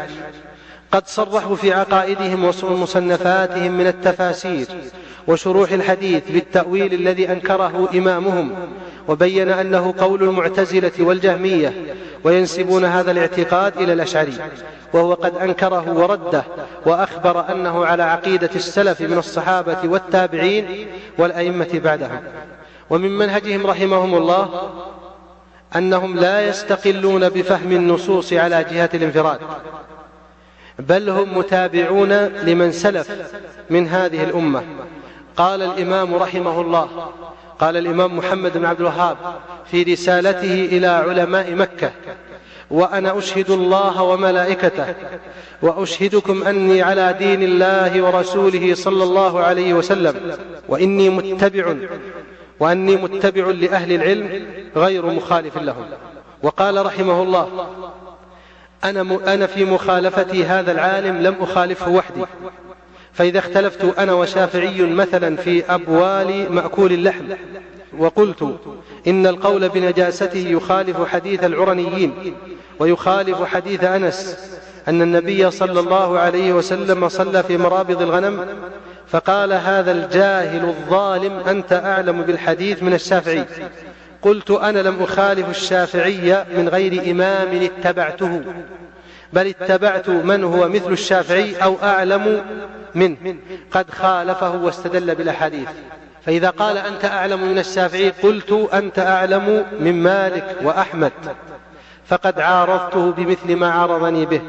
وسلم الدليل من المعارض. واتبعت قول الله تعالى فإن تنازعتم في شيء فردوه إلى الله والرسول.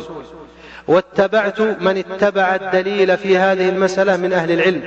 لم أستدل بالقرآن أو الحديث وحدي حتى يتوجه علي ما قيل وهذا على التنزل وذكر الشيخ عبد الله بن محمد أنهم يستعينون على فهم الحديث.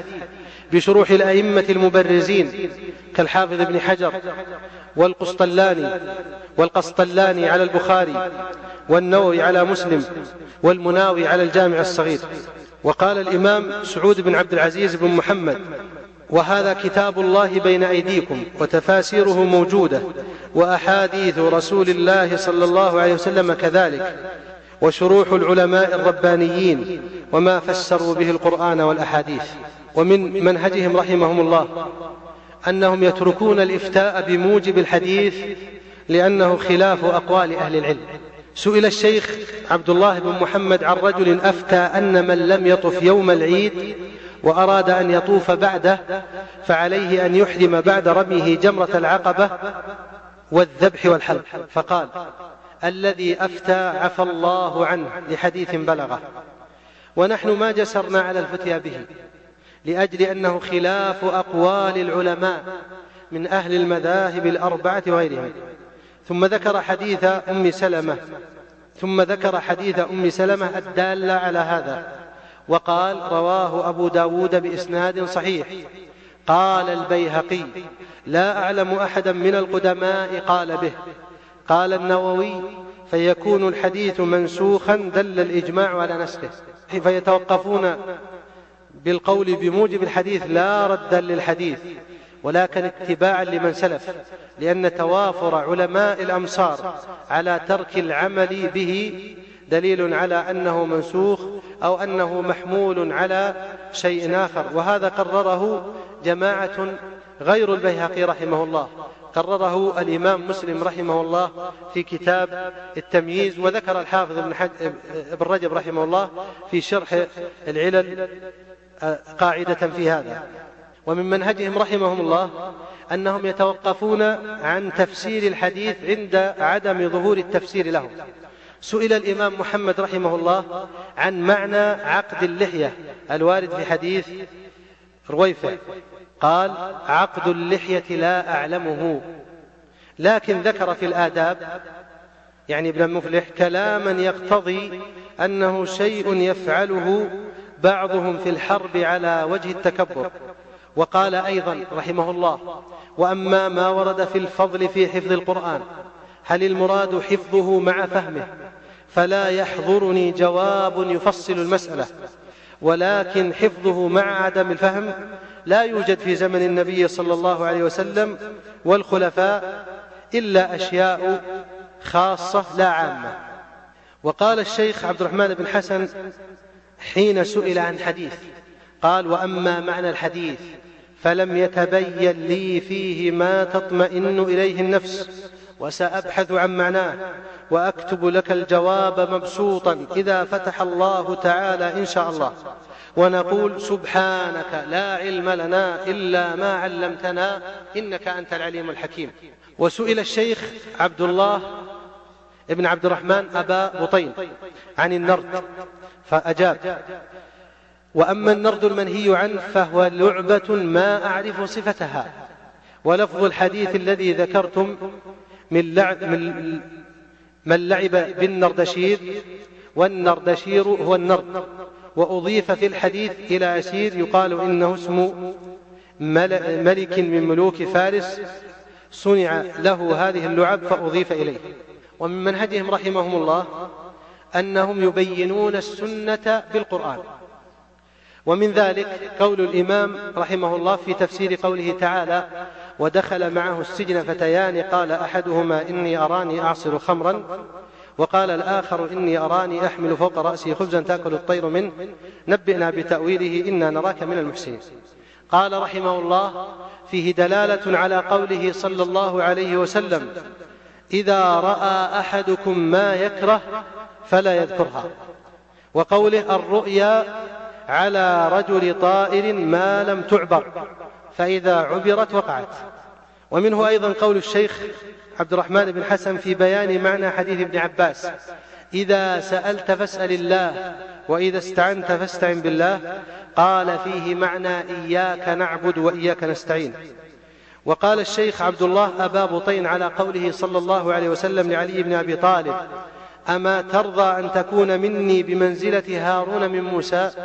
قال العلماء يشير إلى قوله تعالى وقال موسى لأخيه هارون اخلفني في قومي. فالمراد استخلافه صلى الله عليه وسلم عليا على أهله في سفر غزوه.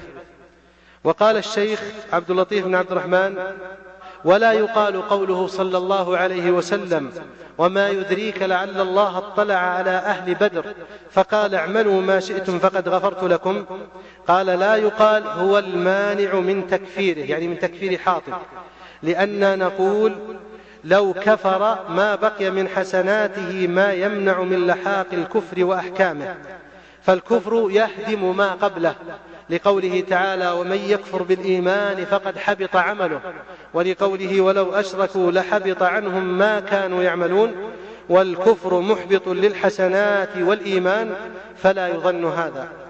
وأيضا منه بيانه لحديث أمرت أن أقاتل الناس حتى يقولوا أن لا إله إلا الله فذكر أن المراد بالقول هو الصادر عن علم بمعناها وانقياد لمقتضاها. قال لأن القرآن دل على أن المنافقين يقولونها بألسنتهم ومع ذلك لم يكونوا مسلمين. ومن منهجهم رحمهم الله أنهم يبينون السنة بالسنة لأن خير ما تفسر به السنة بعد كتاب الله سنة نبي الله صلى الله عليه وسلم وهذا مقرر عند العلماء. ومن ذلك أن الإمام محمد بن عبد الوهاب جعل ما ورد في حديث عمرو بن عبسة قال لما أتيت النبي صلى الله عليه وسلم بمكة قلت ما أنت؟ قال نبي قلت وما نبي؟ قال أرسلني الله. قلت بأي شيء أرسلك؟ قال بصلة الأرحام وكسر الأوثان وأن يعبد الله. لا يشرك به شيئا. قلت من معك على هذا؟ قال حر وعبد.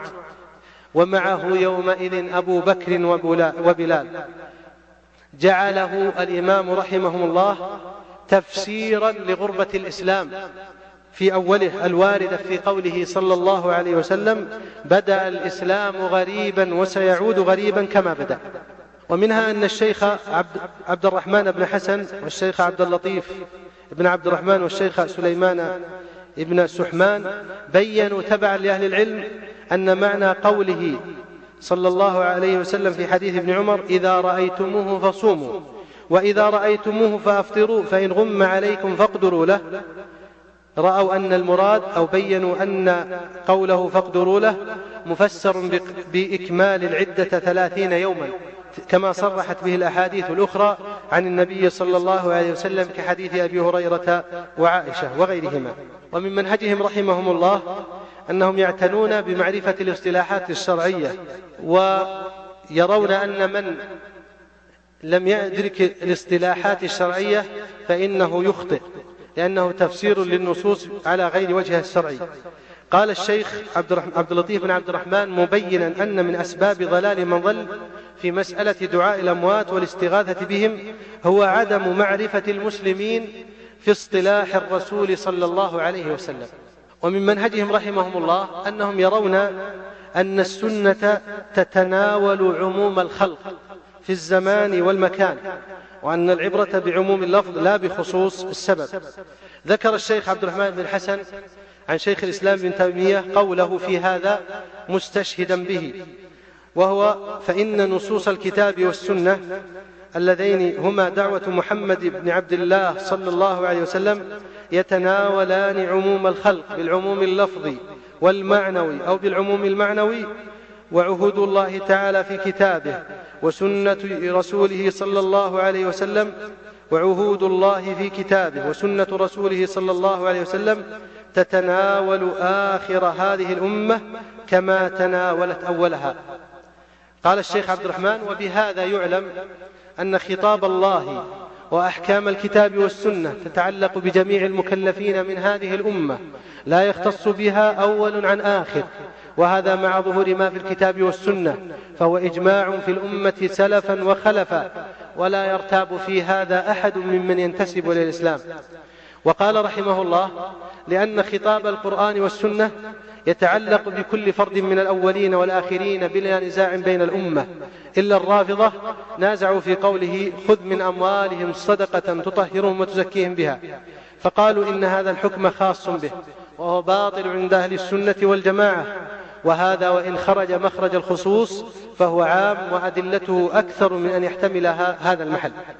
قال الشيخ عبد الرحمن في معرض رد له قال ومن قال من الأمة إن خطاب الله في كتابه وخطاب رسوله صلى الله عليه وسلم في سنته إن ما يتعلق بمن نزل بسببهم دون غيرهم يعني متعجبا منكرا قال هذا لا يقوله أبلد الناس وأجهلهم بالشريعة وأحكامها بل ولا يتجاسر أن يقوله أحد ممن يجادل بالباطل صونا لنفسه عن التجهيل والتضليل لأن هذه على الجهالة والضلالة من أبين دليل ولما يلزم قائله من تعطيل الشريعة.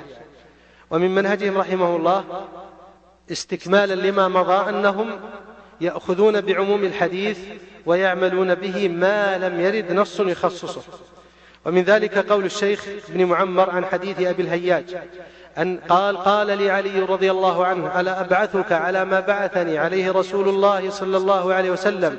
لا تدع تمثالا إلا طمسته ولا قبرا مشرفا إلا سويته. قال فأمر بهدمه في هذا الحديث وجاء بلفظ النكرة وهي تعم كل قبر سواء كان في مكة أو في المقبرة المسبلة. وقال الشيخ عبد الرحمن بن حسن رحمه الله عن حديث كنت نهيتكم عن زيارة القبور فزوروها هل عمت الرخصة النساء أم الخطاب خاص بالرجال؟ فأجاب هذا من العام المخصوص بقوله لعن الله زائرات القبور. وهذا الحديث رواه الإمام أحمد وابن ماجه والترمذي واحتج به شيخ الإسلام ابن تيمية على تحريمه بلعن رسول الله صلى الله عليه وسلم زوارات القبور وصحح الحديث. وكذلك حمل الإمام محمد بن عبد الوهاب والشيخ عبد الرحمن بن حسن وغيرهما من أئمة الدعوة قوله صلى الله عليه وسلم إن الرقى والتمائم والتولة شرك على العموم إلا ما خصه الدليل. واستدل الشيخ عبد اللطيف بن عبد الرحمن بعموم قوله صلى الله عليه وسلم من حلف بغير الله فقد أشرك على عدم جواز الحلف بالنبي صلى الله عليه وسلم. ويرى أئمة الدعوة في منهجهم أن الأحاديث العامة لا يجوز تخصيصها إلا بما يساويها في الظهور والدلالة والصحة من الأحاديث النبوية. عبد اللطيف بن عبد الرحمن الإجماع على أنه لا تخصيص بالأحاديث الضعيفة وأنه لا يصلح أن يكون مخصصا ولا ينهض لذلك لأنه نوع نسخ والناسخ يشترط فيه المساواة في الحجة والقوة والدلالة. كما حكى الإجماع على أنه لا تخصيص لكتاب الله وسنة رسوله صلى الله عليه وسلم بقول أحد كائنا من كان إلا رسول الله صلى الله عليه وسلم. وذكر أيضا أن تخصيص بعض أن تخصيص بعض أفراد الجنس بحكم من غير مخصص يقتضي ذلك من غير مخصص يقتضي ذلك تحكم محض وترجيح بلا مرجح. وذكر الشيخ سليمان بن عبد الله أن أحاديث النهي عن بيع الطعام قبل قبضه تجرى على عمومها للبائع وغيره حتى يثبت دليل راجح يخصصه. ومن منهجهم رحمهم الله أنهم يقدمون المنطوق على المفهوم. ومنه ما قرره أو ما ذكره الشيخ إسحاق بن عبد الرحمن من, من تقديم منطوق حديث اليهودي وحديث أبي بكر في الديات وهو حديث تلقاه الناس بالقبول وإن كان قد قيل بإرساله تقديم ذلك على مفهوم قوله تعالى والأنثى بالأنثى وهو الذي عليه الأئمة الأربعة وحكاه ابن المنذر إجماعا. ومن منهجهم رحمهم الله مراعاة المقاصد الشرعية عند العمل بالسنة النبوية. قال الشيخ عبد الرحمن عبد اللطيف بن عبد الرحمن والهجر إنما شرع لما فيه من المصلحة وردع المبطل فإذا انتفى ذلك وصار فيه مفسدة وقد أمر الله تعالى بالدعوة إليه على بصيرة. قال تعالى قل هذه سبيلي أدعو إلى الله على بصيرة أنا ومن اتبعني. وقال تعالى وجاهدوا في الله حق جهاده واجتباكم وما جعل عليكم في الدين من حرج. والجهاد بالحجة والبيان يقدم على الجهاد بالسيف السنان وقد مر صلى الله عليه وسلم على مجلس فيه أخلاط من المسلمين والمنافقين واليهود. وفيه عبد الله بن أبي رأس المنافقين فسلم صلى الله عليه وسلم ونزل عن دابته ودعاهم إلى الإسلام. وذلك حين ذهب إلى سعد بن عبادة يعوده في منزله والقصة مشهورة. والله تعالى أعلم. بسم الله الرحمن الرحيم. الحمد لله رب العالمين وصلى الله وسلم وبارك على نبينا محمد وعلى آله وصحبه أجمعين. لا شك أن منهج أئمة الدعوة في فقه الحديث يحتاج إلى وقت طويل ولكن نظرا لقصر الوقت نذكر بعض الشيء اليسير جدا حتى نعرج على منهج أئمة الدعوة في الأحكام على الأحاديث. من منهجهم رحمهم الله في فقه الأحاديث أنهم يقولون إن القول بموجب نصوص الوعيد في الكتاب والسنة واجب على جهة العموم والإطلاق من غير تخصيص ولا تقييد. ومن منهجهم رحمهم الله تعالى أنهم يقولون لا يجوز تعيين مراد رسول الله صلى الله عليه وسلم إلا بشرطه. كما ذكر ذلك الشيخ سعد بن عتيق رحمه الله تعالى. فقال تعيين مراد النبي صلى الله عليه وسلم مفتقر إلى شيئين. الأول النقل الثابت عن رسول الله صلى الله عليه وسلم والثاني وجود القرائن وقيام الشواهد الدالة على أن المراد بقوله صلى الله عليه وسلم هو هذا. وأما الجزم بالتعيين مع تخلف العلم بمدلول اللفظ أو وجود بعض الاحتمالات التي يتعذر معها الجزم بالمفهوم أو عدم اعتبار حال المدعى أنه المراد. قال هذا الشيخ سعد بن عتيق لما نزل بعض الأشخاص في عهده على حديث أبي هريرة في الصحيحين لا تقوم الساعة حتى يخرج رجل من قحطان يسوق الناس بعصاه. عين بعض الناس هذا الشخص فأجاب الشيخ رحمة الله عليه مبينا هذا. ومن منهجهم رحمهم الله أنهم يردون على أنهم يرون أن تفسير النصوص بما لا تجتمع به أن هذا ضرب للنصوص بعضها ببعض. وأيضا أنهم يرون أنه لا احتياط في أمر العبادات بأمر لم يحتط به الرسول صلى الله عليه وسلم ولم يحكم به. وأيضا من منهجهم رحمهم الله أنهم يستدلون بدلالة الاستقراء وبدلالة التنبيه ولا وللجميع ويستدلون أيضا بالقرائن على فهم مراد رسول الله صلى الله عليه وسلم. ومن منهجهم رحمهم الله ترك العمل بالمتشابه ورده إلى المحكم. ولا خلاف بين العلماء رحمهم الله أن المتشابه يرد إلى المحكم وإن كان صحيحا. فكيف إذا كان المتشابه ضعيفا أو موضوعا فإنه لا يجوز الاحتجاج به في معارضة ما ثبت بالكتاب والسنة فضلا عن معارضته للمحكم. وقد ذكر الشيخ عبد اللطيف بن عبد الرحمن أن التمسك بالمتشابه هو طريقة النصارى المثلثة عباد الصليب. وقال رحمه الله في رده على من استدل ببعض النصوص على جواز دعائه صلى الله عليه وسلم وليس مع هؤلاء إلا التمسك بالمتشابه من غير فقه ونظر في المعنى المراد. ومن منهجهم رحمهم الله أنهم يرتبون الأدلة عند التعارض. قال الإمام محمد بن عبد الوهاب فلا يجوز أن تضرب الأدلة بعضها ببعض. ويترك بعضها بل كلها حق يصدق بعضها بعضا. لأن الخطأ في فهم الكتاب والسنة وعدم التوفيق بينها سبب لحدوث البدع. قال الشيخ عبد الرحمن بن حسن وأما البدع التي حدثت في هذه الأمة فإن سببها أن أهلها أخطأوا في فهم الكتاب والسنة في بعض الأصول. وصاروا هم وأهل السنة في طرفي نقيض لخفاء الأدلة عليهم وعدم التوفيق بينها في محل النزاع كما جرى من الخوارج. وجاء ترتيب وجاء طريقة أئمة الدعوة في الأحاديث المتعارضة سواء تقعيدا أو تطبيقا موافقا لما عليه السلف الصالح ممن تقدم. ومن ذلك أن الشيخ أن الشيخ عبد الله بن محمد سئل إذا جاء خبران عن النبي صلى الله عليه وسلم أحدهما يدل على الأمر والآخر يدل على النهي أيهما أرجح. فأجاب الراجح ما صح سنده عن النبي صلى الله عليه وسلم بنقل العدول الثقات الضابطين. فإن قدر اتحادهما في الصحة فإن أمكن معرفة, معرفة الآخر منهما أخذ بالآخر. لأنه هو الناسخ وإنما يؤخذ بالآخر فالآخر من فعل رسول الله صلى الله عليه وسلم أو قوله. فإن لم يمكن معرفة ذلك وأمكن الجمع بينهما فذاك. فإن لم يكن ذلك أخذ بالأحوط والذي عليه الأكثرون من العلماء والفقهاء.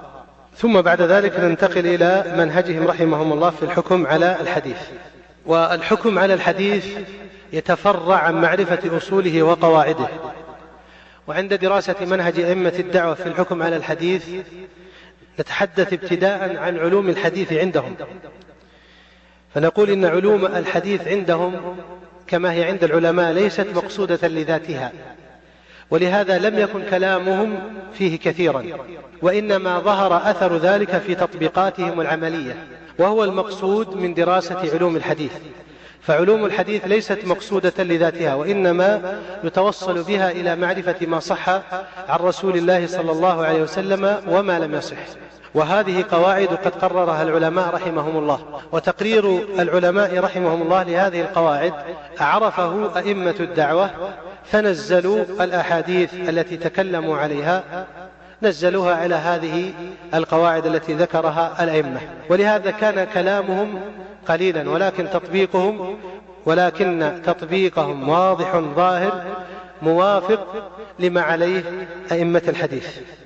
ومع أن كلامهم كان قليلا فهناك بعض الاصطلاحات وردت عنهم مبثوثة في ثنايا كتبهم سواء مما يتعلق باصطلاحات المحدثين أو مناهج المحدثين أو تقويم بعض المؤلفات في الحديث. من ذلك أن الشيخ عبد الله بن محمد قال المسند أقوى من المرسل وذلك أن المسند ما اتصل سنده إلى رسول الله صلى الله عليه وسلم فإن كان السند كلهم ثقات وليس فيهم شذوذ فأجمع العلماء على الاحتجاج به إذا لم يعارضه مثله أو أقوى منه. وأما المرسل فهو ما رواه التابعي عن النبي صلى الله عليه وسلم. وكثير من أهل العلم لا يحتج بالمرسل إلا إذا اتصل وأسند من وجه صحيح. ثم ذكر أن المسند أقوى من المرسل. وذكر أيضا حكم رواية الحديث بالمعنى وذكر التأدب مع حديث رسول الله صلى الله عليه وسلم في مجلس الحديث وذكر أنه ينبغي أن يقال في الأحاديث التي لا تثبت يذكر في الحديث أو يروى في بعض الكتب وذكر أن هذا هو طريقة أهل التحقيق والعرفان من أهل الفقه والحديث وذكر أنه لا ينبغي أن يجزم بأن رسول الله صلى الله عليه وسلم قال إلا فيما ثبت إسناده وصححه أهل العلم بهذا الشأن بل يذكر بصيغة التمريض. وذكر الشيخ حمد بن معمر رحمه الله معنى الغريب وحكمه بقوله الغريب الذي ليس له إلا إسناد واحد. كما بين معنى المتصل بقوله والمتصل ما اتصل سنده إلى منتهاه سواء كان مرفوعا أو موقوفا أو مقطوعا فيخرج المرسل والمنقطع والمعذب وسئل أيضا الشيخ عبد اللطيف بن عبد الرحمن عن الفرق بين المرفوع والمسند والمتصل وأيهما أصح؟ فأجاب جوابا مفصلا بذكر أقوال أهل العلم كالخطيب وابن عبد البر. ثم قال كلاما مهما جدا للغاية. ثم قال كلاما مهما جدا للغاية. قال وأما قولك أيهما أصح؟ يعني المسند أو المتصل أو المرفوع. قال فاعلم أن الصحة غير راجعة لهذه الأوصاف باعتبار حقيقتها. وإنما الصحة والحسن والضعف أوصاف تدخل على كل من المرفوع والمسند والمتصل فمتى وجدت حكم بمقتضاها لموصوفها. لكن المرفوع أولى من المتصل إذا لم يرفع ومن المسند على القول الثاني إذا لم يرفع أيضا لا من حيث الصحة بل حيث رفعه إلى النبي صلى الله عليه وسلم. وأما الصحة فقد ينفرد, فقد ينفرد بها بعض هذه الأقسام لا من حيث ذاته والمرفوع إذا لم يبلغ درجة الصحة احتج, احتج به في الشواهد والمتابعات كما عليه جمع. وبين الشيخ حسن بن حسين الفرق بين حدثنا وأخبرنا وأنبأنا ونقل كلام أهل العلم في ذلك وبين الشيخ عبد الله بابطين بعض الاصطلاحات كالمراد بالخمسة والجماعة والمرفوع والموقوف والغريب واللين وشرط الشيخين. وفصل الشيخ سليمان بن عبد الله في أصح الأسانيد وأوهاها وذكر أن رواية أتباع التابعين من المعضل وذكر الشيخ عبد اللطيف بن عبد الرحمن أن الضعيف عندهم ما قصرت رتبته عن الصحيح والحسن. وذكر أنه لا تقوم به حجة. وقال والبيهقي وغيره إذا ذكروا الحديث وسكتوا عنه لا يحكم عليه بالصحة عندهم ولا بأنه حجة إلا إذا بينوا ذلك وصححوه. وقال والاحتجاج بالحديث نوع نوع والحكم عليه بالصحة نوع آخر يعرف من فن المصطلح. ثم ذكر رحمه الله أن قول الصحابي ليس بحجة إذا خالفه من هو مثله. ثم ذكر الشيخ سليمان بن سحمان أن الأحاديث الموضوعة لا تثبت فيها أحكام. ثم ذكر الشيخ عبد الله بن محمد كلاما مهما في طريقة أئمة الحديث. قال في الجرح والتعديل قال فإذا عرف الرجل بالكذب بينوا حاله وإذا عرفوه بالبدعة بينوا حاله فإذا عرفوا أن الرجل ثقة أخذوا عنه وقبلوا حديثه ولو كان من أهل البدع. وإذا كان الرجل قليل الضبط أو معروفا بالكذب أو بالتخليط أو الاضطراب في حديثه تركوا حديثه وبينوا حاله وإن كان من أهل السنة ومن أهل الصلاح. يعرف ذلك من طالع كتب الجرح والتعديل وفي البخاري ومسلم والسنن الأربعة رجال من أهل البدع يروون عنهم الحديث من الخوارج والقدرية والمرجئة والشيعة وغيرهم إذ كانوا معروفين بالصدق والضبط.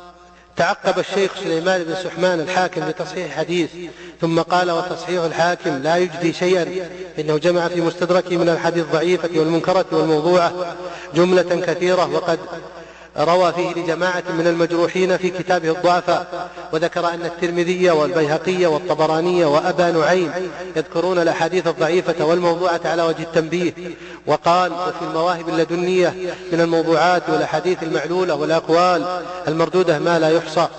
وذكر الإمام محمد بن عبد الوهاب طريقة الإمام البخاري رحمه الله.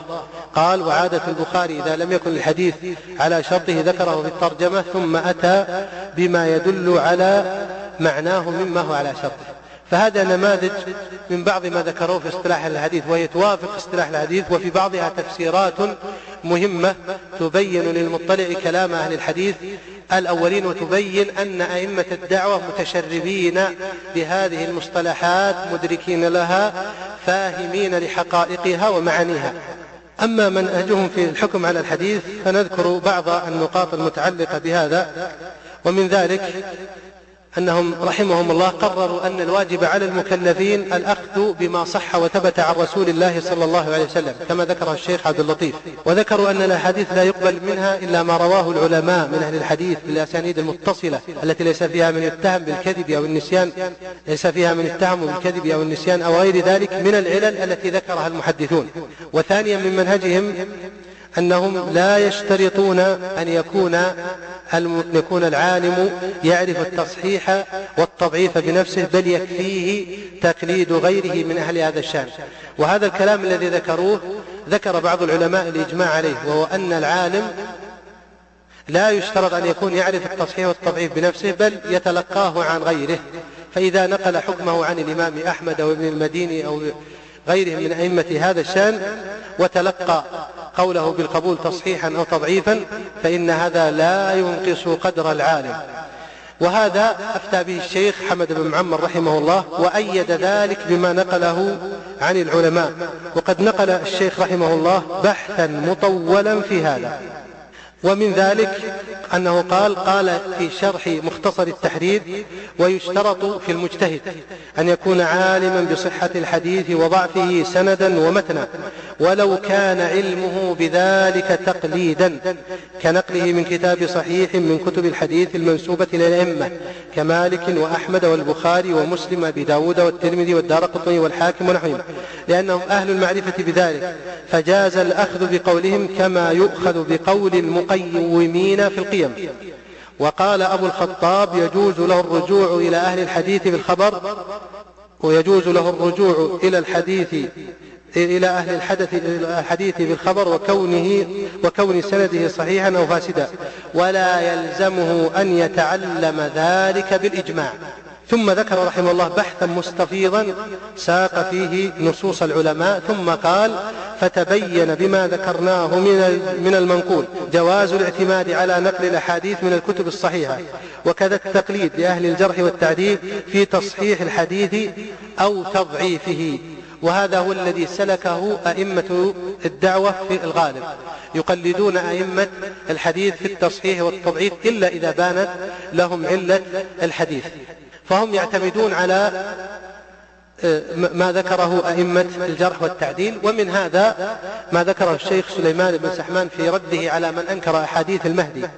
قال فاعلم يا أخي أنك ذكرت هذا القول جازما به من غير علة ذكرتها. تقدح في هذه الحديث في هذه الأحاديث عن عالم من علماء الجرح والتعديل الذين يعتد بهم في هذا الباب. وقد ذكر هذه الأحاديث أبو عيسى الترمذي في جامعه وهو إمام فاضل من أئمة أهل الجرح والتعديل. ثم ذكر الأحاديث التي ساقها الترمذي في باب ما جاء في المهدي ثم قال فهذا ما ذكره الإمام أبو عيسى الترمذي جازما بصحة هذه الأحاديث. وأنت لم تذكر لأحاديث المهدي علة عن أحد من العلماء. على عدم ثبوتها إلا مجرد الدعوة من غير برهان ولا دليل. والمثبت مقدم على النافي وإذا صح الخبر عن رسول الله صلى الله عليه وسلم وجب زم بذلك إمام أئمة الحديث وجب علينا التصديق به والإيمان به وأنه حق كائن لا محالة. وأحاديث رسول الله صلى الله عليه وسلم الثابتة عنه أجل في صدورنا من أن نعارضها بما يذكره ابن خلدون وأمثاله ونعارض ما صح الإمام الترمذي بأمثال ابن خلدون. وذكر رحمه الله أيضا كلاما طويلا. ومن منهج أئمة الحديث رحمهم الله تعظيمهم للصحيحين واعتبار أحاديثه صحيحة ولهذا لم يؤثر عنهم انتقاد ما في الصحيحين. والعلماء رحمهم الله قد تلقوا الصحيحين بالقبول. وهذا منصوص عليه متواتر. قال الشيخ عبد الله بن محمد وأما قوله إن الله كتب التوراة بيده فهذا قد روي في الصحيحين. فمن أنكر ذلك فهو مخطئ ضال. وإذا أنكره بعد معرفته بالحديث الصحيح فإنه يستحق العقوبة. ومن منهجهم رحمهم الله أنهم يعبرون بالمصطلحات المعروفة في الحكم على الحديث. كقولهم صحيح وثابت وحسن ومرسل ومعضل وإسناده جيد وموضوع إلى آخره. لأنهم يعرفون هذه الاصطلاحات في حقائقها ومعانيها ويعرفون إطلاقات أهل العلم. ومنها ومن منهجهم رحمهم الله أنهم يستشهدون على صحة الحديث بالقرآن. ومن أمثلة أن الشيخ إسحاق بن عبد الرحمن لما ذكر حديث جرير مرفوعا وصححه أنا بريء من مسلم يقيم بين ظهراني المشركين وذكر شواهده من السنة قال ويشهد لصحة هذه الأحاديث قوله تعالى فلا تقعدوا معهم حتى يخوضوا في حديث غيره إنكم إذا مثلهم. ومن منهجهم رحمهم الله استعمال القرائن في الحكم على الحديث. ومن ذلك ما قاله الشيخ عبد الله أبا بطيل قال الحديث المروي في قراءة سورة ياسين في المقبرة لم يعز إلى شيء من كتب الحديث المعروفة والظاهر عدم صحته. ومنه أن رواة الحديث إذا اختلفوا في سنده ومتنه فذلك قرينة على ضعفه كما ذكر الشيخ سليمان بن سحمان. ومنها من منهجهم إيراد ومن منهجهم أنهم رحمهم الله يريدون الحديث الضعيف في معرض الاستشهاد والاستئناس وليس في معرض التقرير. وهذه طريقة الأئمة. قال الشيخ حمد بن معمر ثم لفظ الأطيط يعني حديث الأطيط لم يأتي به نص ثابت. وقولنا في هذه الحديث إنا نؤمن بما صح منها وبما اتفق السلف على إمراره وإقراره. فأما ما في إسناده مقال واختلف العلماء في قبوله وتأويله فإنا لا نتعرض له بتقرير بل نرويه في الجملة ونبين حاله. وهذا الحديث إنما سقناه لما فيه مما تواتر. من علو الله على عرشه مما يوافق آيات الكتاب. وأورد الشيخ سليمان بن عبد الله حديث أبي موسى مرفوعا اثنان ففقهما جماعة. ثم أورد طرقه ثم قال فهو بالنظر إلى كثرة طرقه ورواته تفيد الحديث قوة. على أنه ليس الاعتماد عليه وحده بل على حديث مالك بن الحويرث السابق وهو الذي في الصحيح إذا سافرتما فأدنا وأقيما وليؤمكما أكبركما. وذكر الشيخ عبد الرحمن بن حسن أحاديث كثيرة تدل على إكمال عدة شعبان ثلاثين يوما. إذا حال دون رؤية الهلال غيم أو قتر ثم قال وكل هذه الأحاديث الصحيحة بعضها في الصحيحين وبعضها في صحيح ابن حبان والحاكم وغيرهما. وإن كان قد أعل بعضها فلا يقدح في الاستدلال بمجموعها وتفسير بعضها لبعض وكلها يصدق بعضها بعضا والمراد منها متفق عليه. هذا نبذة من يعني مما ذكر من منهج أئمة الدعوة في الأحكام على الأحاديث. ولا شك رحمهم الله أن غالب كلامهم أو غالب أحكام الحديث إنما هي نقول عمن تقدم إما من الكتب المعتمدة أو من العلماء. وهذه كما سبق تقريره لا تقدح في الاجتهاد فضلا عن العلم بإجماع أهل العلم. ومع ذلك كلام الأئمة الدعوة كلام عظيم تصحيحا وتضعيفا وبيانا للعلل وفقها للأحاديث من اطلع عليه ورآه وجد أنه شيء كثير حقيق بأن يكون به أئمة من أئمة الحديث وعلماء من علماء الحديث. والإمام محمد بن عبد الوهاب له كتاب مجموع الحديث. فيه يحتوي على نحو من أربعة آلاف وستمائة حديث وهو مطبوع. ما بين مرفوع وموقوف إضافة إلى آثار التابعين وأقوال العلماء. وهذا الحديث فيه من حسن السياق والاختصار والتحرير والإقرار والأحكام على الحديث ما يدل على طول باعه في هذا المجال. ويثنى أيضا بكتاب التوحيد فهو كتاب عظيم في طريقة إيراده للأحاديث. وفي طريقة انتزاعه للنصوص وفي طريقة تبويبه على طريقة أهل الحديث فهو كتاب عظيم آه، من اطلع عليه ورآه بتجرد وبصيرة علم أنه ما وضع فيه نصا إلا عن علم وتحر وتدقيق وهناك حديث حقيقة يعني نماذج كثيرة آه، ذكرها أئمة الدعوة رحمة الله عليهم في التصحيح والتضعيف لولا يعني أن المقام يقصر عن ذكرها لأوردنا ولو شيئا منها.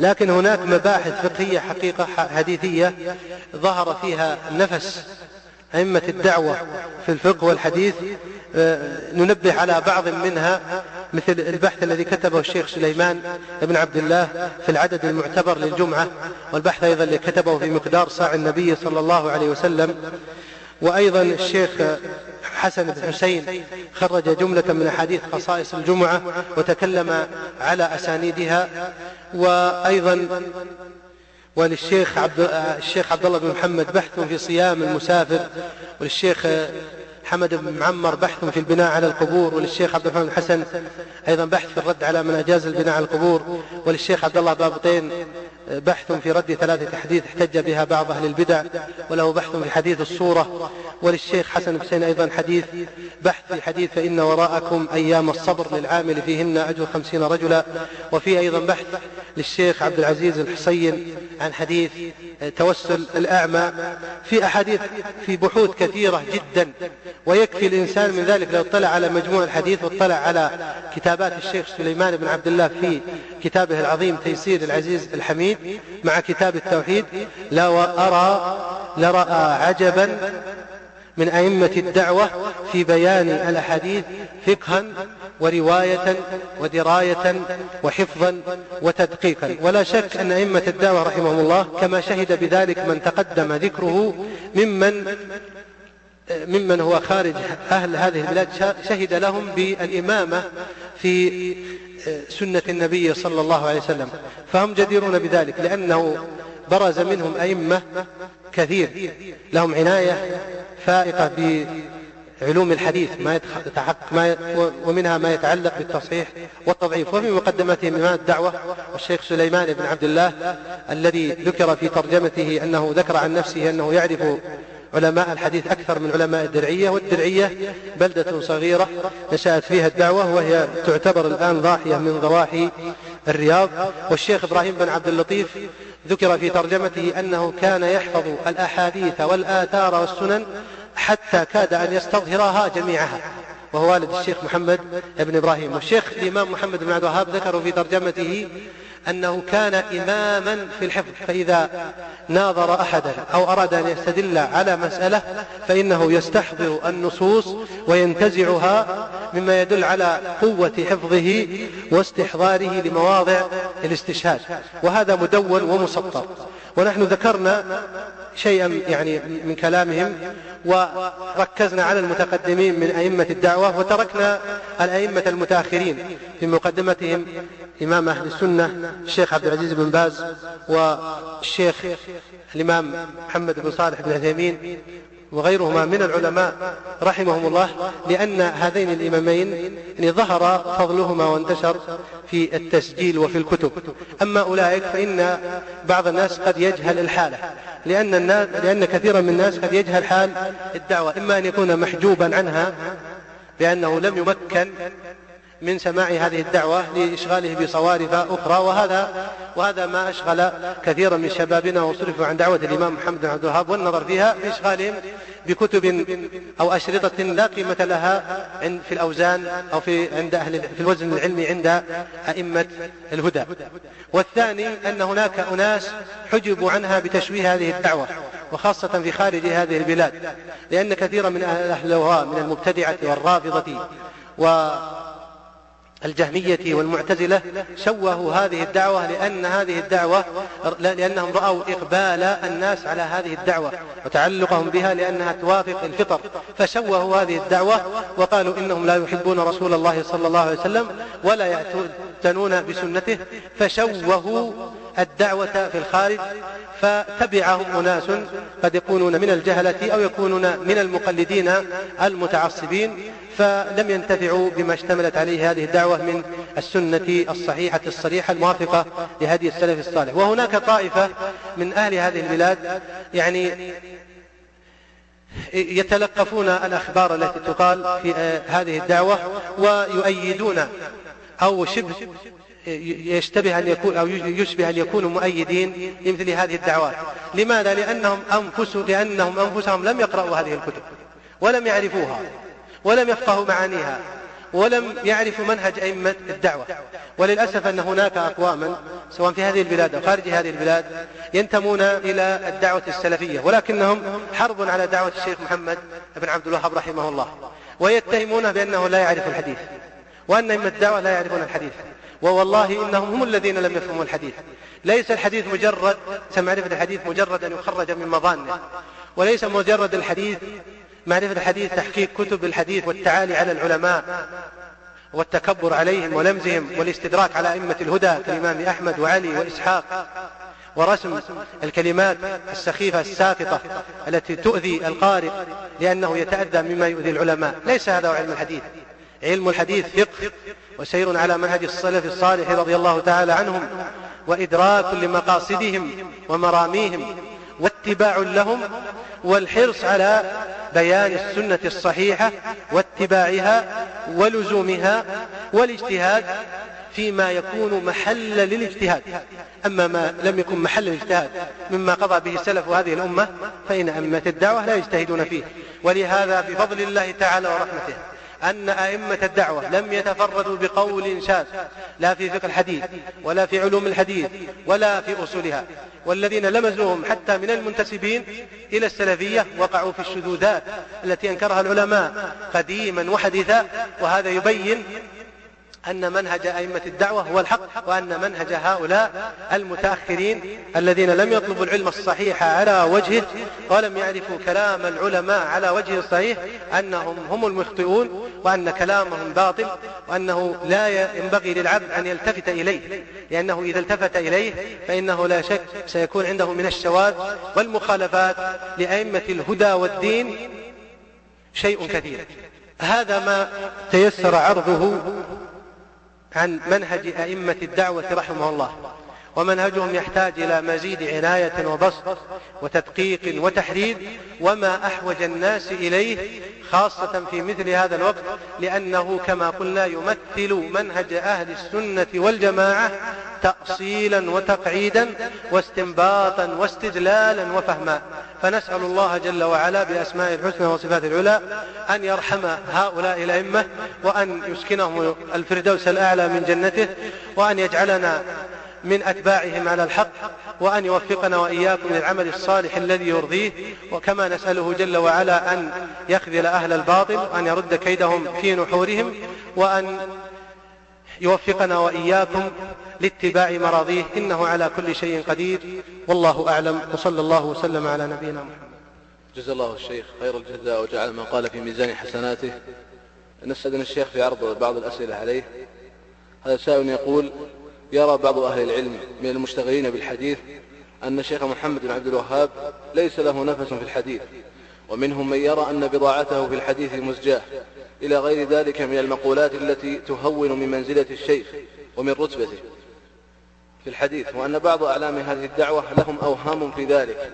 فما هو الرد على من قال ذلك؟ علما أن بعض من قال بذلك محبون للسنة. محبون للسنة وأهلها من الدعاة لها.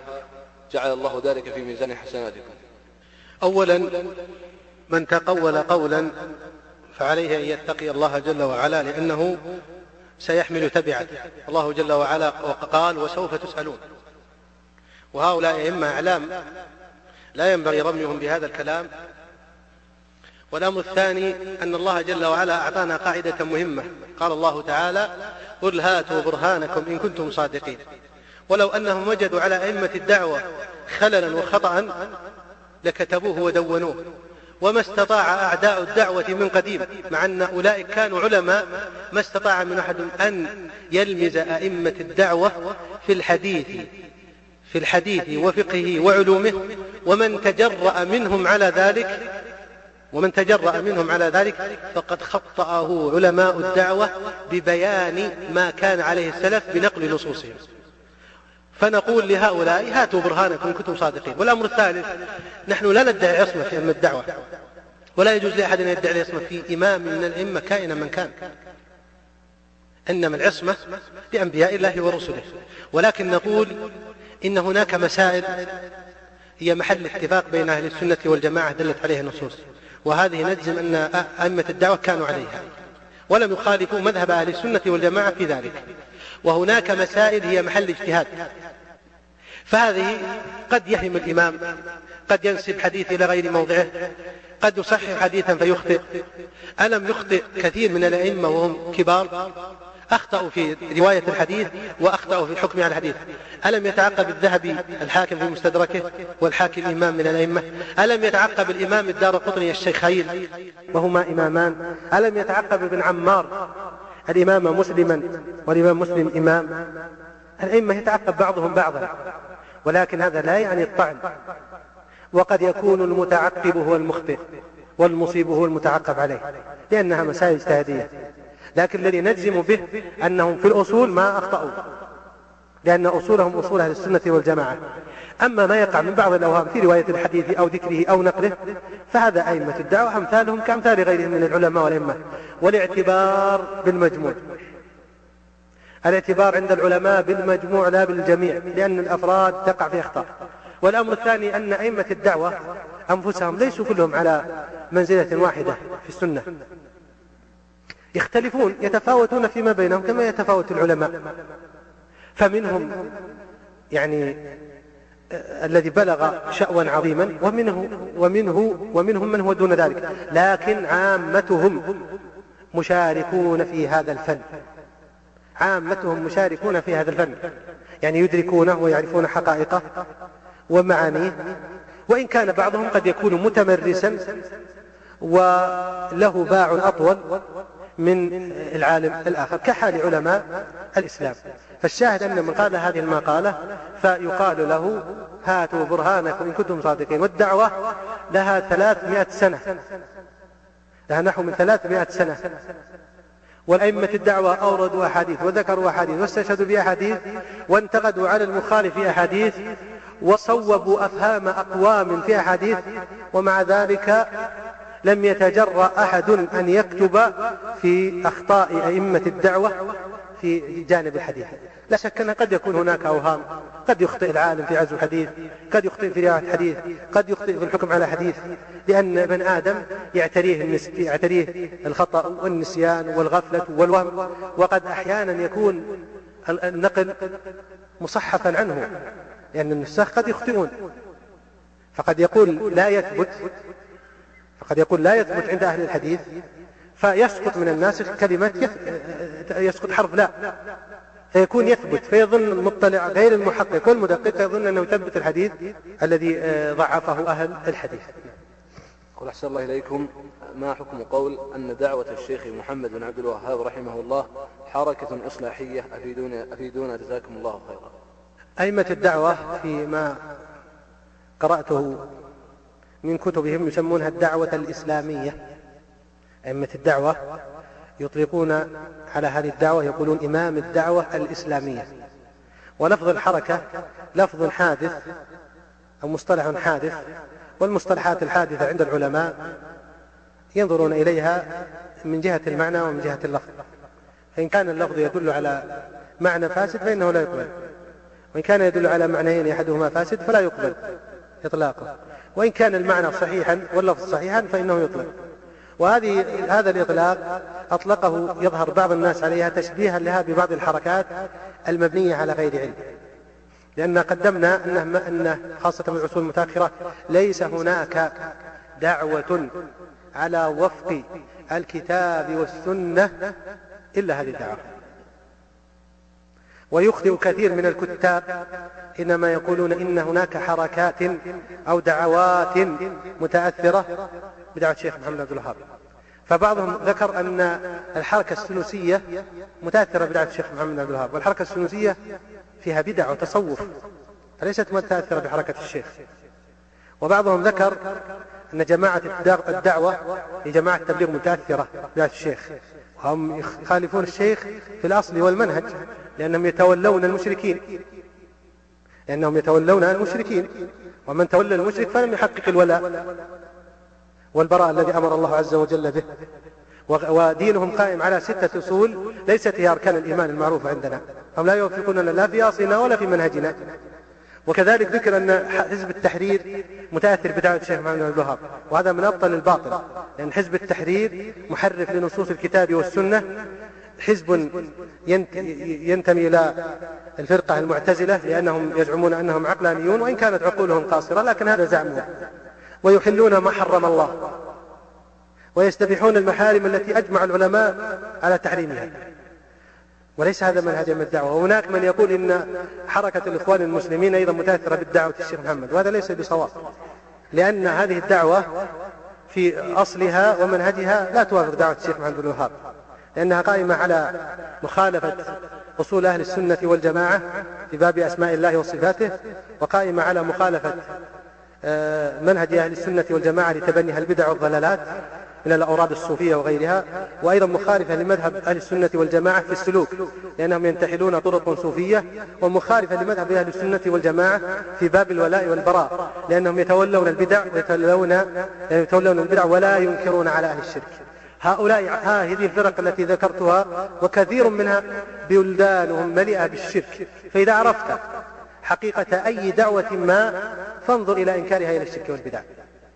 أئمة الدعوة أنكروا الشرك والبدع والضلالات ودعوا إلى السنة. أما هذه الحركات فالشرك قد ضرب أطنابه في بلدانهم ومع ذلك لا ينكرونه لأنها ما هي إلا أحزاب تسب إلى الإسلام آه، للوصول إلى قد, قد يكون للوصول إلى أغراض سياسية أو نحوها. فالواجب علينا عند نسبة فرقة أو طائفة أن لا ننسبها إلى هذه إلى تأثرها بهذه الدعوة إلا بعد أن نتحرى أنها دعوة صحيحة قائمة على الكتاب والسنة. ثم إن هذه الدعوة دعوة الشيخ محمد بن الوهاب هي دعوة إسلامية. يطلقون عليها أئمة الدعوة يسمونها الدعوة الإسلامية ويطلقون عليها الدعوة النجدية نسبة إلى خرجت من نجد. أما الحركة الإصلاحية فهي لفظ يعني متأخر. ومن أهم ما يميز هذه الدعوة بعد, دعو بعد دعوتها إلى توحيد الله عز وجل ونبذ البدع والضلالات أنه ما قامت دولة لدعوة إلا لهذه إلا لهذه الدعوة فقط. جميع الدعوات التي حدثت متأخرة لم يقم لها دولة لأن أصولها ليست على وفق أهل السنة والجماعة وليس منهجها على وفق أهل السنة والجماعة ولهذا ما مكن الله عز وجل بهم لهم في الأرض. وعد الله الذين آمنوا وعملوا الصالحات. لا يستخلفنهم في الأرض ولا يمكنن لهم دينهم الذي ارتضى لهم ولا يبدلنهم بعد خوفهم أمنا يعبدونني لا يشركون بي شيئا. يعبدونني لا يشركون بي شيئا. فمكن الله لهذه الدعوة وأقام لها دولة. منذ نشأتها إلى يومنا الحاضر. نسأل الله تعالى الثبات على دينه يقول أحسن الله إليكم هل, هل لأئمة الدعوة تأليف في العلوم الحديثية؟ أئمة الدعوة رحمهم الله كل ما ذكر كل ما ذكروا في كتبهم ينطلق من الكتاب والسنة. ولهذا يميز كلام أئمة الدعوة أنه مثل كلام السلف سواء بسواء ولهذا وأن تقرأ فيه لا تجد إشكالات لفظية ولا معنوية لأن ألفاظهم شرعية. إما لفظ من الكتاب أو السنة أو متداول بين سلف هذه الأمة. أما إذا قرأت الكتب الأخرى وجدت, وجدت فيها كلام المتكلمين الذي يحتاج إلى شرح وبيان وقد لا تدركه كثير من عقول الناس. ولهذا نقول إن إن أئمة الدعوة في تآليفهم هي منبثقة من الكتاب والسنة ولهذا كلامهم في السنة مبثوث في هذه الكتب. بل لا تكاد تفتح صحيفة إلا وتجد فيها آية أو حديث أو أكثر من ذلك. ومع ذلك لهم مصنفات. فمنها كما ذكرنا مجموع الحديث للشيخ محمد بن الوهاب وقد طبع في مجموع الشيخ وهو كتاب عظيم مرتب على أبواب الدين. استفاد من غيره من الأئمة وأضاف إليه أشياء أخرى. ولا يعني استفادته من الأئمة أن يكون مقلدا لأن إقرار العالم يعتبر علما يضاف إليه. ولهذا لو إن نظرنا إلى مثلا بلوغ المرام الحافظ ابن حجر رحمه الله أخذه من الإلمام. والمحرر أخذه من الإلمام. وأيضا يقال أن البلوغ إذا استفاد من المنتقى. الشيخ محمد بن عبد الوهاب كغيره جاء واستفاد من هذه الكتب وأضاف خاصة في أقوال في أقوال التابعين وأئمة الهدى لأنها أحيانا تكون كاشفة لعمل السلف. أشاعرة وما تريدية ففي مملوءة بالبدع. فكونه يحرص على السنة فإنها تحتمل وتغتفر رحمه الله رحمة واسعة. ولكن قولنا في الجملة لئلا يعني يغتر بعض الناس لأن قلنا في الجملة حتى لا يكون أحيانا المطلع على بعض الكلام له وقد يكون خلاف مذهب أهل السنة والجماعة فيأخذ هذا الكلام وينسبه إلى أهل السنة والجماعة مع أنه قد يكون أخطأ فيه. فإذا نبهنا الجملة كان عند الإنسان نوع تحفظ على بعض ما يقوله أو في الأشياء خاصة أو في الأشياء المشكلة خاصة وإلا له قدم صدق في باب السنة رحمه الله وغفر له. يقول أحسن الله إليكم هل تشترط العدالة في الأمر بالمعروف والنهي عن المنكر؟ يعني أن يكون عدلا. هذا اختلف أهل العلم هل الفاعل المعصية ينهى عنها أو لا لقوله تعالى تأمرون الناس بالبر وتنسون أنفسكم. والمختار أنه يأمر ولو كان عاصيا هو لأنه إذا ترك الأمر فقد ارتكب المعصية وترك النهي عنها. يقول ما هو الرد على من يقول أن أن فهم السلف الصالح ليس شرعا وذلك أنهم وقعوا في الخلاف؟ ما ورد عن السلف الصالح رضي الله تعالى عنهم نوعان. أحدهما في أصول الدين وهذا ما اختلفوا فيه. والنوع الثاني ما وقع في الأحكام العملية في فروع الشريعة. وهذه وقع بينهم اختلاف. والمقرر عند أهل العلم قديما أن ما اتفقوا عليه من مسائل الفروع فهو إجماع لا يجوز الخروج عنه وما كان لهم فيه قولان لا يجوز استحداث قول ثالث. بل يختار من أقوالهم ما يناسب أو ما يترجح بدليل فاختلافهم رحمهم الله المسائل التي اختلفوا فيها ترد إلى الكتاب والسنة والمسائل التي أجمعوا عليها هي بيان للكتاب والسنة ولا تخالفها وفي مثل هذه الأشياء يا أخوان دائما من عرض لا بد أن يذكر أن يذكر ما وقع فيه. لأن الكلام اللي قال كلام هكذا أنه وقعوا في خلاف يعني في بيان الشرع يلقى بدون دليل ولا برهان إما لتلقفه سماعا أو لتصوره ذهنيا مع عدم وجوده في الخارج. هذا ينبغي الإنسان أن ينزه نفسه عنه. لأننا نقول خلاف لا شك أنه وقع معنا بخلاف بل وقع بين الصحابة الاختلاف. في فهم بعض الأحاديث وبنى عليها النصوص وبني عليها الاختلاف في الحكم. وهؤلاء يرد كلامهم من الكتاب والسنة. يرد كلامهم كتاب السنة وأما المسائل التي أجمعوا عليها فنقول لمن قال إن قولهم ليس ليس متبعا يقال له أعطنا مثالا واحدا على أنهم اجتمعوا على ما يخالف الكتاب والسنة ولن يجد إلى ذلك سبيلا لأن هذا مقرر عند أهل العلم ولكن كلام السلف رحمه الله يبين يبين مراد الله ومراد الرسول صلى الله عليه وسلم لماذا؟ لأنهم أولا فيهم الصحابة والتابعون فالصحابة حضروا التنزيل وعرفوا مقاصد النبي صلى الله عليه وسلم. وكانوا أهل لغة أهل اللغة التي يتحدث بها النبي صلى الله عليه وسلم ويخاطب بها. فإذا اجتمعوا على تأويل حديث وبيانه بشيء أو تخصيصه بشيء وجب الوقوف معهم.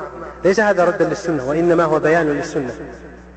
لأن شهودهم للتنزيل وحضورهم لمجالس النبي صلى الله عليه وسلم وسلامة وسلامة صدور وسلامة قلوبهم للدين. سلامة صدورهم نحو الدين. ومحبتهم ومحبتهم للخير. هذا كله مما يجعلنا نتلقف السنة عنهم وأتباعهم كذلك لأنهم أخذوا عن الصحابة. فكون يطبق عليها هذه هذه أهل هذه القرون أو دليل على أنها هي شرع الله. لأن النبي صلى الله عليه وسلم ذكر هذه القرون وفضلها على غيرها. وقد قال النبي صلى الله عليه وسلم قال أحاديث كثيرة تدل على الاستمساك بسنة الخلفاء الراشدين وبسنة أصحابه لأنه قال أصحابي قال النجوم أمنة السماء. وأصحابي أم فإذا ذهبت النجوم جاء السماء ما توعد. وأصحابي أمنة لأمتي. فإذا ذهب أصحابي جاء أمتي ما يوعدون. فهذا دليل على أنه يجب الاستمساك بهديها نعم. صلى الله عليكم يقول هل صحيح قول بعض بعض الناس أن محمد بن عبد الوهاب سلفي في العقيدة حنبلي في الفقه؟ هذا كلام صحيح ما في إشكال. هو يقول أنا حنبلي لكن ما معنى حنبلي؟ يا إخوان الحنبلية ليست عيبا. والمالكية ليست عيبا والشافعية ليست عيبا. إذا كنا نعيب الإمام محمد بن الوهاب فيلزم من هذا أن نعيب علماء الإسلام. يلزم النعيب النووي يلزم النعيب بن حجر لأنهما شافعيان. يلزم النعيب الزيلعي لأنه حنفي. يلزم النعيب ابن تيمية وابن القيم لأنهما حنبليان. يلزم النعيب ابن عبد البر والباجي لأنهما مالكيان. يلزم النعيب عامة علماء الإسلام. يلزم النعيب وليس هذا عيبا. يا أخوان التحمل أو التمذهب مر معنا أنه له طريقان التمذهب في أصله ليس هو ردا للسنة ولا معارضة للشرع وليست هذه المذاهب مأخوذة من قوانين وضعية ولا من أهواء رجال. هذه مبنية على الكتاب والسنة. هم جاءوا إلى الكتاب والسنة وإجماع العلماء فأخذوا هذه النصوص ونثروها واستنبطوا منها الأحكام والدلالات وخرجوها على أصول الشريعة ومقاصدها ثم جعلوها على طريقة مسائل. لأن الآن لو اقتصرنا على فهمنا في الكتاب والسنة تقع الآن مسائل كثيرة حادثة لقلة العلم لا نستطيع أن نخرجها. على الكتاب والسنة. لكن بما أتاهم الله عز وجل من حفظ لنصوص الشريعة ومعرفة بأصولها ومقاصدها أرادوا التسهيل على الأمة. فألفوا هذه الكتب يبينون بها الشريعة يقولون هذه شريعة الله التي دل عليها كتاب الله وسنة نبيه صلى الله عليه وسلم. ولهذا إذا جئت إلى الشروح تجد هذه المسألة دليلها من الكتاب ودليلها من السنة. سواء كان دليلها تنصيصا عليها أو يكون الدليل مستنبطا من النص بنوع من أنواع الاستنباط أو يكون مستنبطا من عموم قواعد الشريعة ومقاصدها أو من عموم نصوصها. فهذه المذاهب أولا ليست عيبا لأن إذا أردنا أن نعيبها فالنعيب أحمد بن حنبل والنعيب الشافعي قبل ذلك والنعيب مالكا والنعيب أبا حنيفة. لأن عيب فيهم هذا لأن معناه قدح في علمهم. والأمر الثاني يا إخوان إن الله عز وجل كما قلنا أمرنا بالأخذ العلم عنه ما الفرق بين من يتبع مذهب ويعتقد أن ما قاله هذا الإمام هو الحق وبين من يستفتي أحد العلماء الآن؟ يعني أنت لا لو استفتيت أحد المشايخ وجاءت الفتوى وافتاك يقول يحرم العمل بفتواه ما يقول هذا عاقل. إن الله عز وجل أمرنا بأخذ العلم عنهم. بل فرق بين إذا اتبع الأئمة والعلماء اتبعوا رأى أن الإمام أحمد أن أصوله وقواعده أقرب إلى السنة من غيره فاتبعه على هذه الأصول. فإذا وجد أن مسألة عن أحمد أو أن مسألة خرجت على مسائل على أقوال أحمد ورواياته رأى أنها مخالفة للسنة فاتبع السنة إن هذا لا, لا عيب عليه. إنما العيب أن يأتي الإنسان فيهدم قواعد أهل العلم ويلمز كل عالم بأنه متمذهب. ثم هو يحدث مذهبا من عنده. لأن هذا الآن لأن كثيرا ممن يرمون أو يلمزون المتمذهبين هم أنفسهم جعلوا لأنفسهم مذاهب. وصار بعض الناس يتعصب لهم. وكان الحق ما قاله فلان. ولا شك أن هذا خطأ. لأنك الآن جعلت نفسك أولا إماما. وثانيا أنك بنيت نفسك على أصول غير سليمة. ولهذا ترى من جملة المتأخرين خاصة من بعد الألف خرج عدة أشخاص زعموا أنه لا تمذهب وأنه يحرم التمذهب مطلقا ثم قعدوا قواعد وخرجوا على هذه القواعد فوقعوا في التناقضات والشذوذ التي صاروا بها ضحك عند الناس. حقيقة وجدنا من الشواذ والأشياء التي لا تتفق لا مع أصولهم التي وضعوها. لأن حصل اضطراب الأصول في أصولهم أنفسهم متناقضة ثم تطبيقاتهم حصل فيها تناقض تبعا لأصولهم.